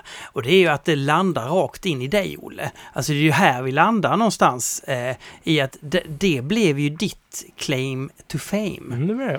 Eh, du har ju berättat Det var ju tidigare... tack vare honom också, alltså Fredrik. Va, va, vadå? va, vad menar du? Vad menar du? Ja, men han gav ju oss uppdraget att göra Gbg Beer Week. Sant, men hade du inte redan innan med... Jo, jag visste ju precis. Jag jag hade gjort Naranga, jag gjorde West Coast på ett sätt som Ja. var... Och så att det var ju, och jag gjorde 50-50-ölerna Ja. på det sättet också, men det var inte så många som upptäckte det. nej. nej, det var ju Gbgb Week eh, IPAn som eh, tog Ja. det hela vägen så att säga. Ja, det blev ju en stor snackis liksom. Det Mm. blev, och det blev ju en förebild sen så att... eh, Ja. Ja, just det. Men det var ju så här, för att, och jag, jag vill jag poängtera också så här hur New England IPAn, en väldigt, väldigt, väldigt viktig faktor var ju att Hill Farmstead blev ju väldigt, eh, vad ska man säga, det blev väldigt, väldigt hypat. Mm. Mm. Och jag kommer ihåg hur så många... Alltså så här, jag, jag läste ju enormt mycket hembryggarforum. Och där var det, alla vill ju efterlikna Hill Farmstead Pillowy. Alltså kuddiga. Ja. Väldigt dålig beskrivning på någonting. Vad var det? Pillowy mouthfeel. Jaha. Det var liksom så här... som är då kuddig. Fyllig, rund, rund. Ja, men en, jag tycker en pillowy är en väldigt dålig beskrivning på hur någonting smakar. Men en så här rund, fyllig, alltså en obeskrivlig lätthet i ölen på något sätt liksom. Som var så här, det var deras hemlighet och det här försökte alla någonstans då efter... Ska det både vara jättelätt men ändå fyllig? Ja, det, jag förstår inte. Jag fattar aldrig riktigt vad den här grejen Bara var. solidliga lätthet. Ja. Så, men det var ju en, alltså folk på Hembryggarforum försökte ju i absurdum efterlikna de här ölen Mm. och han, var ju, han har ju aldrig sagt hur han gör sin öl. Det har ju läckt ut vilken gäst han använder och sådär men... Och... Alltså, men för, för mig var det ju som att så här att jag såg ju var han kom ifrån. För han kom från samma bakgrund som jag kom ifrån. Vad jag gillade för IPA och hur jag gillar IPA det var ju att man gjorde det med engelsk gäst. Och att man Eh, det här med salter och sådana saker, det, det tänkte inte jag på överhuvudtaget eh, så mycket då faktiskt. Nej. Men, och det är faktiskt inte jag tänker på sådär vansinnigt mycket idag heller, men det var ju liksom så här att man ville torrhumla på vissa här, man ville få ut så mycket av humla som möjligt. Alltså man kunde och det här var ju någon form av, man fick en medvetenhet, i alla fall jag fick ju när jag började jobba på Stiberget att Jaha, vänta nu, varför smakar den här påsen så mycket bättre än den här påsen? Mm. Och när man väl då helt plötsligt så här att, ja men okej, nu börjar jag förstå. Det här humlen är ju helt värdelös. Den här går inte att använda ens. Det är inte jag mig det är fel på, det är ju humlen det är fel på. det, så här, ja, men det var ju verkligen här upp... Ja, alltså jag ja, bara, ja. ja. men vad fan. Ja men jag slutar köpa från den här återförsäljaren i Sverige. I stort sett. Det var, Ja. det var det enda... Nu hade vi kontrakt och sådana grejer med den så det var lite problematiskt men... Så vi började ju leta rätt och jag kunde liksom så här, jag kunde ganska enkelt känna Ja men den här humlen funkar, den här humlen funkar inte alls. Jag tror att det där, precis det där pickiness som, pick, pickiness, ja. som Olle har kring humle, det har jag i Sverige aldrig stött på. Men det måste ju vara en förklaring till att det blev väldigt bra. Jag har ju varit på bryggerier Oh ja. för några år sedan som så här, de har humlepåsar ståendes framme liksom i lång tid och stått öppna och så ska Mm. man torrhumla med det sen. När jag var hos Olle för något år sedan så, så, så var det så här, han öppnade någon förpackning och så, så här, så skulle han använda, jag måste använda inom en halvtimme annars är det lika bra att, eh, att inte använda den alls. Eller använda den till bitterhumle eller vad du ska Ja. ha det till.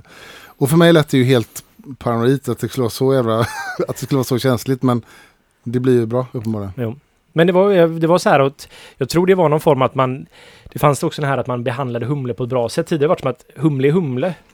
Mm. att en dålig påse Cascade är samma sak som en bra påse Cascade. Så att därför också Vad sa han där? att en En, hum, en dålig... påse humle Cascade är lika bra som en, eller är samma sak som en bra påse humle Cascade. Man såg inte riktigt distinktionen mellan det. Ah, Liksom. Okej, jag fattar. Mm. Att det var... Ja, att... mm, Var det Cascade så var det Cascade liksom. Ja, jag fattar. Det var, ja. Man använde det och... Man, Jo, såg men- inte, att- man såg inte vari, att man insåg inte att det var sådana variationer. Nej. Precis. Det fanns ju, men det är ju, det är ju inte...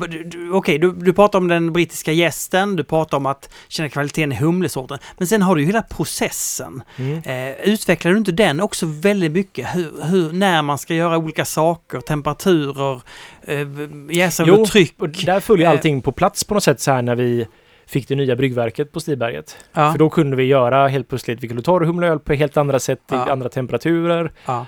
Vi kunde göra det mycket syrefattigare och framförallt då under tryck. Mm, under tryck. Ja. Mm. Så det var en, det var en stor bit i det hela. Ja, ja, ja. Det, Ja, det märkte man att det var ju jättemånga som lärde sig efter det av Olle. Som kommersiella som inte tänkte på det sånt innan. Nej. Även hembryggare började tänka mer på det. Så. Ja. Ehm, Ja. Men det är så här, Hembryggarforum var liksom, det är en väldigt nyckel i det här med som har blivit. För att jag kan ju tycka att Hill Farmstead tolkning, eller så här, den typen av IPA han gör, det är inte riktigt vad Folk har försökt tolka vad Ja. han gör och så har det här fått en egen spin sen. precis, och det, det som är Som har- intressant. Exakt, förlåt. Jag. Som har bara blivit helt absurd i många fall, kan jag Exakt. tycka. Det har blivit något annat än vad det var. Det, de har ju sagt i intervjuer, både Sean Hill och John Kimmick, att det som New England-IPA är idag, det var ju inte riktigt det som var deras, vad de tänkte när de gjorde det. Nej. John Kimmick sa i en intervju så här att jag, fan, jag spenderar många år på att övertyga folk hela tiden att det är inte farligt att en IPA är grumlig. Men nu har det fan gått åt tvärtom att den ska vara så jävla grumlig som möjligt och, och, och det är dåligt om den inte är det. Ja. Eh, och även att de har gått åt ett sånt långt håll att de har tappat lite. Och det kan jag ju tycka, jag gillar ju Nyngnadipa, men det, det finns rätt många idag som har tappat den här liksom fräschören för att de blir så jävla liksom eh, bara som en ju, söt juice. Jag, jag saknar liksom freshness. Så är det. Men vi, vi, vi har, nu har vi pratat om utveckling hela tiden. Alltså att Ja. den, den eh, klassiska amerikanska IPAn blev till dubbel-IPA. Allting kommer att utvecklas hela tiden. Ja. Och ibland kommer man gå lite åt fel håll. Och det var- fanns säkert jättemånga vidriga dubbel som gjordes också. Oh, ja. Som vi inte kommer ihåg Och det idag. var ju de här Ja. överbäska humle Ja. i burkriget. Nej, liksom. men, vi med, det, finns ju, det finns ju allt möjligt idag också. Så, Så jag menar det- att allt blir inte så. Men eh, det är intressant hur det utvecklas. Det dras till en, en extrem och då undrar man så här, vad händer nu? Jag tror ju pendeln kommer svinga tillbaka lite grann. Ja. Jag känner det redan. det, Liksom. det har du sagt sedan avsnitt ett. Ja, det, det har jag sagt i flera år faktiskt. Ja, det är sant. Men jag kommer ha rätt. Jag kommer ha rätt. Men det som är, jag vet, jag kollade idag en grej som ni ska få gissa här. Eh, för jag tänkte på det här med eh, hur New England-IPA är så stort. Upplev, alltså, det upplevs som väldigt stort i sociala medier. När jag tittar i mitt flöde så är det väldigt mycket New England-IPA. Så att det känns som att det är det som dricks till 80% liksom. Så kollar jag på bolaget. Eh, Om man tar nu ett urval, jag tog de 100, om det var 80 kanske, mest, bäst sålda IPorna och bara rangordnade. Mm. Och så uh, uppskattar jag vilka som var New England-IPA. Alla kallar sig inte det som är det, men jag, jag, jag vet ju vilka som är det. Och så räknar jag ut den voly, volymen då. Så att så här, okej, av IPA-volymen hittills i år Ja, i Sverige totalt, hur stor andel är New England-IPA? jag gissar på 7 procent. 10 procent. Men, och det är för, men det är för att eh, Spendrups har sin... eh, Chip full of sale. Ja, eller- som säljer Fast- så... Fast är, är, är, kallar du det som en New England-IPA? Nej, nej. nej, nej, nej, just det, just det. Det var ju... Nej, jag menar det, Okej, att- okej. Nej men det är faktiskt lite mer än vad ni trodde. Ehm, jag fick det till 15 procent. Mm, Okej, ja, det är mycket högre än jag trodde det var. Nej, men det var det jag menade att eh, det var ju New England IPA mot all IPA. Mm. Precis. Ja, och då menar att Chi- Chipfull och IPA är ingen New England. Nej, och nej, därför bli- får de en sån enorm volym. Så är och det då ju. blir det ju... Så är det ju. Det är några produkter som är väldigt, väldigt stora. Lagunitas och eh, Shitfull och. Shitfull. Och, sen, sen de största New England-IPorna är New Sweden. räknar jag ändå som en New England-IPA. Det Ja, är det ju. Den är väl... eh, Och Den är bra. tvåa nu tror jag är hittills i år är Amundsen. Säljer som fan den här burken. Är det Eh, sant? säljer hur mycket som helst. Fy fan. Eller inte så, men jag blev bara förvånad. Ja, den har gått sjukt bra i år. Men de har ett väldigt attraktivt pris på den i och för sig. Ja. Faktiskt. Det, ja. Ja, priset är... eh, Det finns ju ingen IPA som är så dyr som Stigbergs IPA som ändå ligger så pass högt i kategorin. Nej, vi, Men Stigberget har, ni har ju många öl. Men ni, var, ni är inte med bland topplaceringarna. Men ni har Nej. ändå volym genom att ha många placeringar. Ja, men nej, men priset är också som det är. inte Priset ens är en viktig faktor. Det ju. Det kommer, Olle. Det kommer. Vadå, en... Nej, vi pratar om att... För nu har jag ju på mig en Narangi-tröja. Det Ja. kommer att hända väldigt många saker. Det är så att vi, vi är ju inte ens i närheten av någon av de här. Med någon av våra öl. Nej. Nej, men det är flera års eh, arbete. Ja, det är sant. Men vad menar du med att du har Narangi-tröjan på dig? Nej, jag, men jag ville bara släta över lite grann att jag har ju på mig Narangi-tröjan. Ja. Jag har ett väldigt dragande namn. Ni gör ju juleljus också. Ja, Där kan man tala om, jag, jag pratar med Olle, jag berättar för Olle, jag gör en så kallad repris här i podden om det att där kan vi snacka om att skapa en hype genom att vara svårtillgänglig. Ja. Eh, vi skickar in 3000 burkar. Eh, Systembolaget plockar bara in 192. Va? Vilket gjorde att det tog slut direkt. Fanns inte att få någonstans. Det började, var finns det något att få tag på? Eh, och så vidare. Det är hype, hypeskapande. 192. Ja, ja. men det är ändå... Ja. Eh, ja, okej, men okej, nu har vi nu, ehm, eh, New England-IPA. Du håller på och gör den eh, varje dag nästan. ja fast Ja. Jag, jag, ja, om man ska de senaste, ja, det, när jag jobbade på Stiberget så var väl de som mest New England skulle jag säga. Det, men kanske inte så mycket Narangi, men i alla fall West Coast och de där. Men sen efter det så har jag dratt tillbaks New England-igheten i det hela liksom och gjort det mer som IPA som kanske ligger närmare originalfilosofin egentligen. Men det, de är ju fortfarande ganska grumliga. Ja, de är jätte... Men det, Ja. det, det är dess naturliga stadie av processen liksom. Ja. Jag, jag, jag, som sagt, ja, om jag klarnar öl med klarningsmedel, jag skulle behöva ett, alltså ett filter som är ganska fint för att få bort den här grumligheten. Ja. Men det där handlar väl ganska mycket om också vad du har för typ av utrustning och sådär. Jag vet ju att eh, New, eh, New Sweden hade ju problem att få till sin grumlighet som de ville ha. Ja, men de, det var nog separatorfel och eventuellt så, alltså, jag vet vilken gäst de använde och där var det lite hanteringsfel. Ja. Så där pratade jag faktiskt med en av bryggarna ganska mycket. Ja. Men eh, de hade fortsatta problem efter det. Ja. Åh, nu blir jag sugen på den när du säger sådana grejer. Ja. Men det, för mig är den, den är ju väldigt mitt emellan kan jag tycka. Den Ja. är bryggt som en New England fast ändå inte riktigt sådär. Jag hörde att han hade ringt till eh, Mikael Dugge, eh, Björn, i början där han gjorde den. Jag får den inte grumlig. Han har varit eh, helt upprörd liksom. Jag får den grumlig. Ja, Jag pratar aldrig med Björn, jag pratar med en annan bryggare. Vad händer nu framöver då? Alltså, ni snackar brutt-IPA, det är dit vi ska. Alltså, eller, eller alltså, vad, vad, vad kan man... Bruttipan var redan dött ut tror jag faktiskt. Om man ska vara helt ärlig. Ja, Den hade ett år. Eh, ja jag vet inte. jag hörde talas om den för, förra sommaren första gången kanske. Någon sån här. Ja, jag har druckit några. Jag har inte riktigt fast... Jag ska inte vara för gnäll här. Folk blir upprörda när man gnäller för mycket. Men jag har inte riktigt fastnat för bruttipa. Nej. Men Nej. jag, jag provade så här några av de absolut bästa bruttiporna som gjordes Ja. på när jag var på... I USA så då? Ja, i, Ja. det här säkert, jag har kanske pratat om det här i podden tidigare, men ja, men det sa på du. Jonathan Wakefields festival.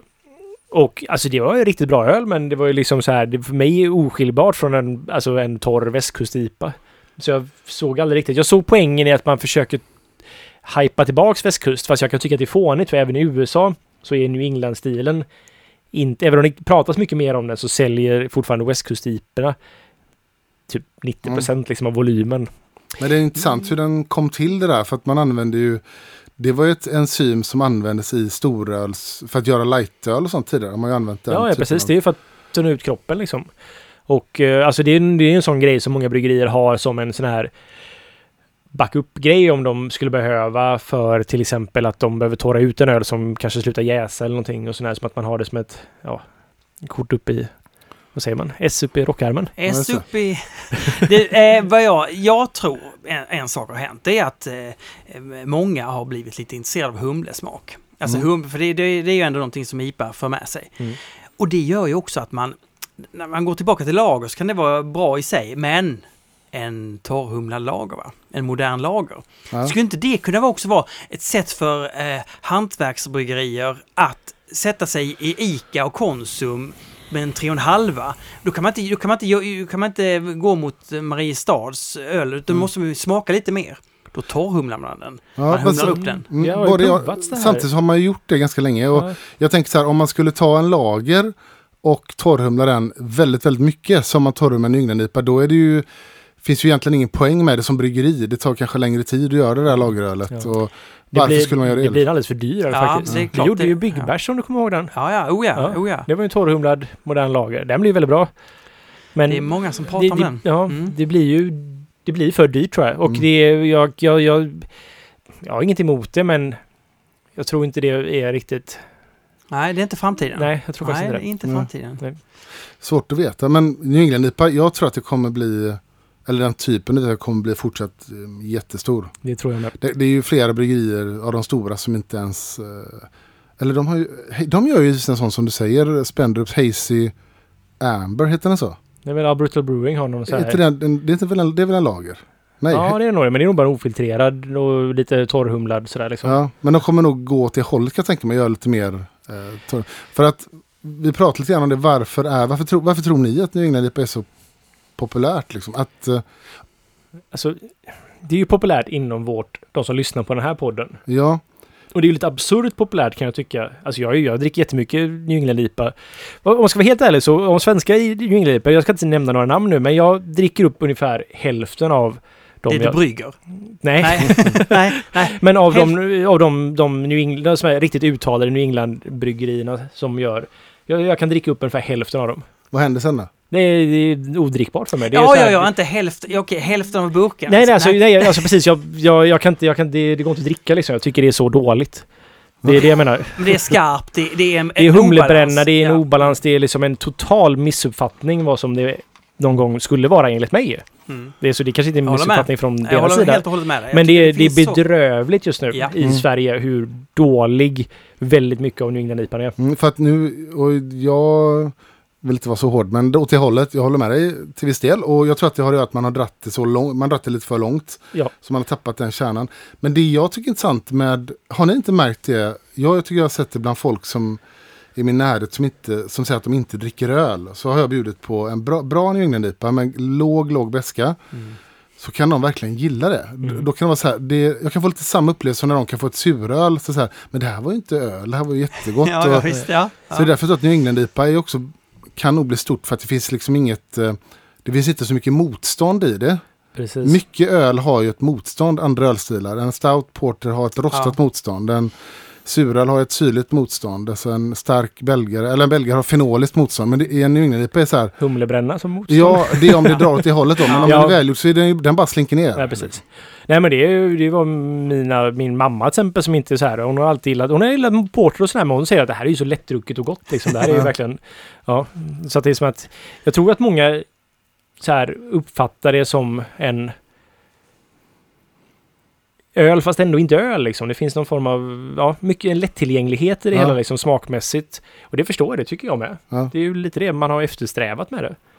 Precis. Ja.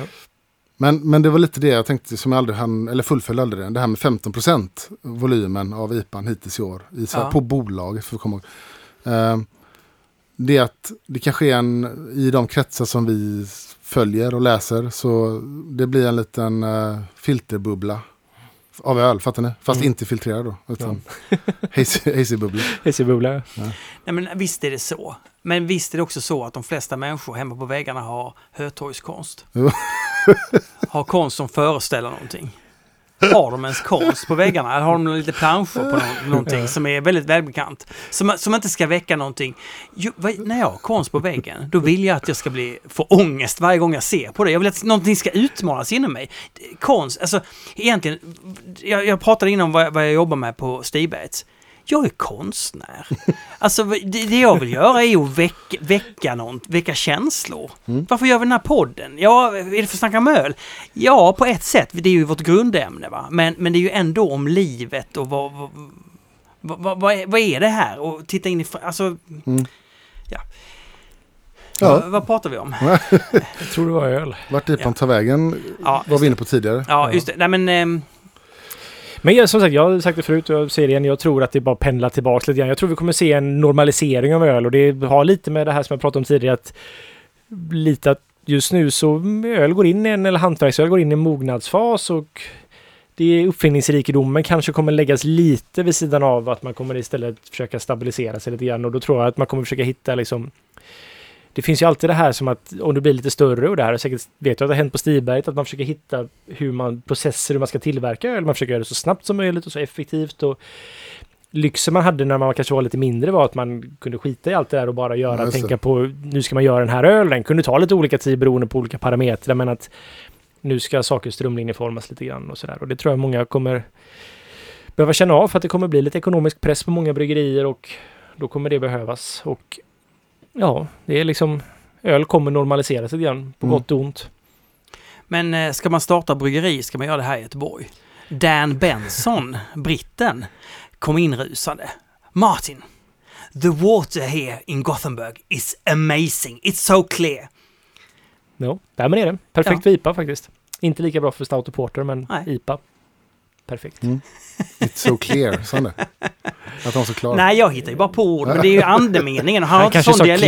clean. Och han pratar inte så tydligt heller, utan det är oerhört... Alltså det är... Ja. åh, underbart. Jag tyckte han hade lite svår engelska att förstå Han är faktiskt. supersvår. Ja. Jag älskar det. Alltså Ja. han är, han är snygg, han är... eh, har en sån underfundig humor alltså. Är det han som gjorde en porter med enbär? Nej, det är Johnny. det är Johnny. Johnny, ska, ska du gå på Porterfestivalen? Ja. Vet jag. Och när det här sänds så har den ju redan varit. Mm. Och då har den vunnit. Oh fan. Du, du kan bara hoppa upp och sätta dig på det så in i helvete. I sin kategori Ja, då? Eller? och då har jag I sin en, enbärsporter då har jag en, eh, då har jag en, eh, en, eh, lyssnarfråga. Ja. Lyssnarna frågar ju alls, oss alltid saker. Men då säger jag så här, ja, jag, jag har sagt till Olle så här, ja, vi borde ta hit eh, Johnny. Eh, Johnny Reed, bryggare från England. Eh, nu bryggare i Sverige som har ett intresse för för öl, verkligen i grund, grundöl. Alltså på- han gillar ju svensk öl. han gillar också grunden, för han, han gillar historia. Han är en oerhört intellektuell, eh, välartikulerad eh, man man. Som, som jag vill ha hit till podden. Jag vill att eh, Olle och jag kör en intervju med honom och pratar om det. Och då säger Olle så här till mig. Men Martin, när ska vi få in... Det är liksom inget vanligt avsnitt. Det är ett specialavsnitt. Hur ska vi... Det är inte logiskt. Alltså den autistiska sidan kommer in. Och då undrar jag, alla ni lyssnare, hur ska vi få in det här avsnittet i vår agenda liksom, så att det ändå blir ett special som är rimligt? Kan vi bara plocka in en brygga sådär, eller hur? Eller måste vi, vi, vi kan göra vad som helst Martin. eller ska vi skapa ett helt nytt segment? Det är att vi, jag vill ha förslag på det helt enkelt. Ja. Ja. Då är frågan eh, om vi är klara med Neipa eh, och New England. Jag tror det, eller? Ja, Ja. jag tror så det. Vad händer till nä- Alltså nu har vi ju Vi verkligen har inte utsett öl. Jag har en idé Ja. som eh, är att... Eller, jag, jag svarade på en fråga tidigare idag som, som att det redan var klart. Men jag har en idé.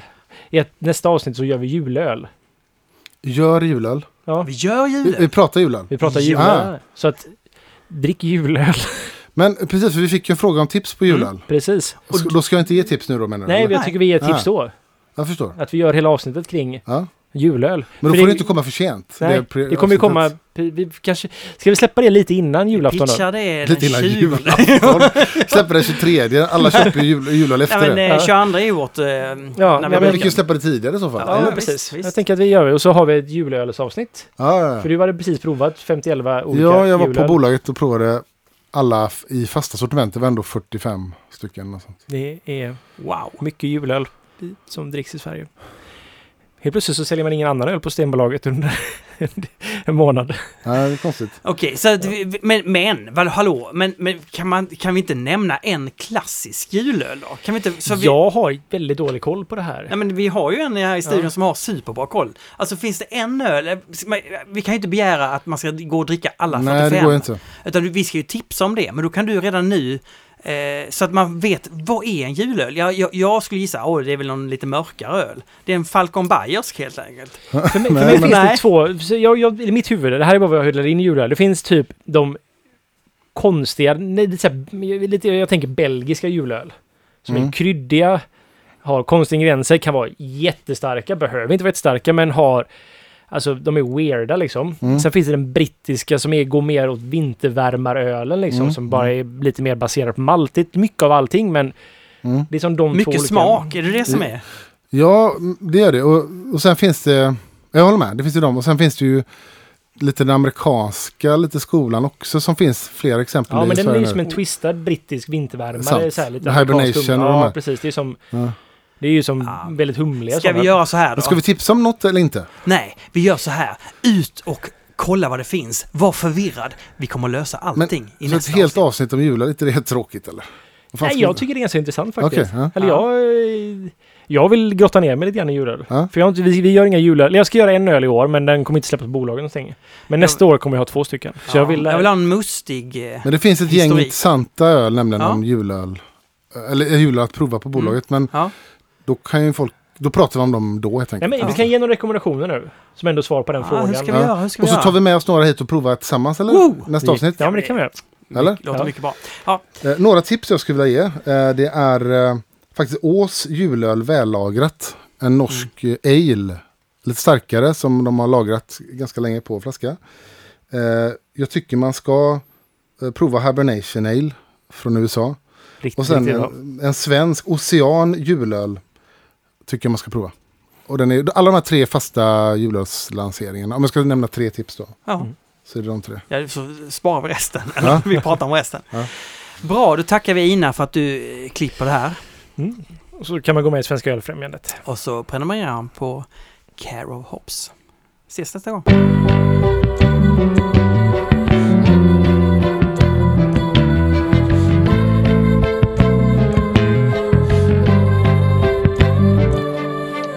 And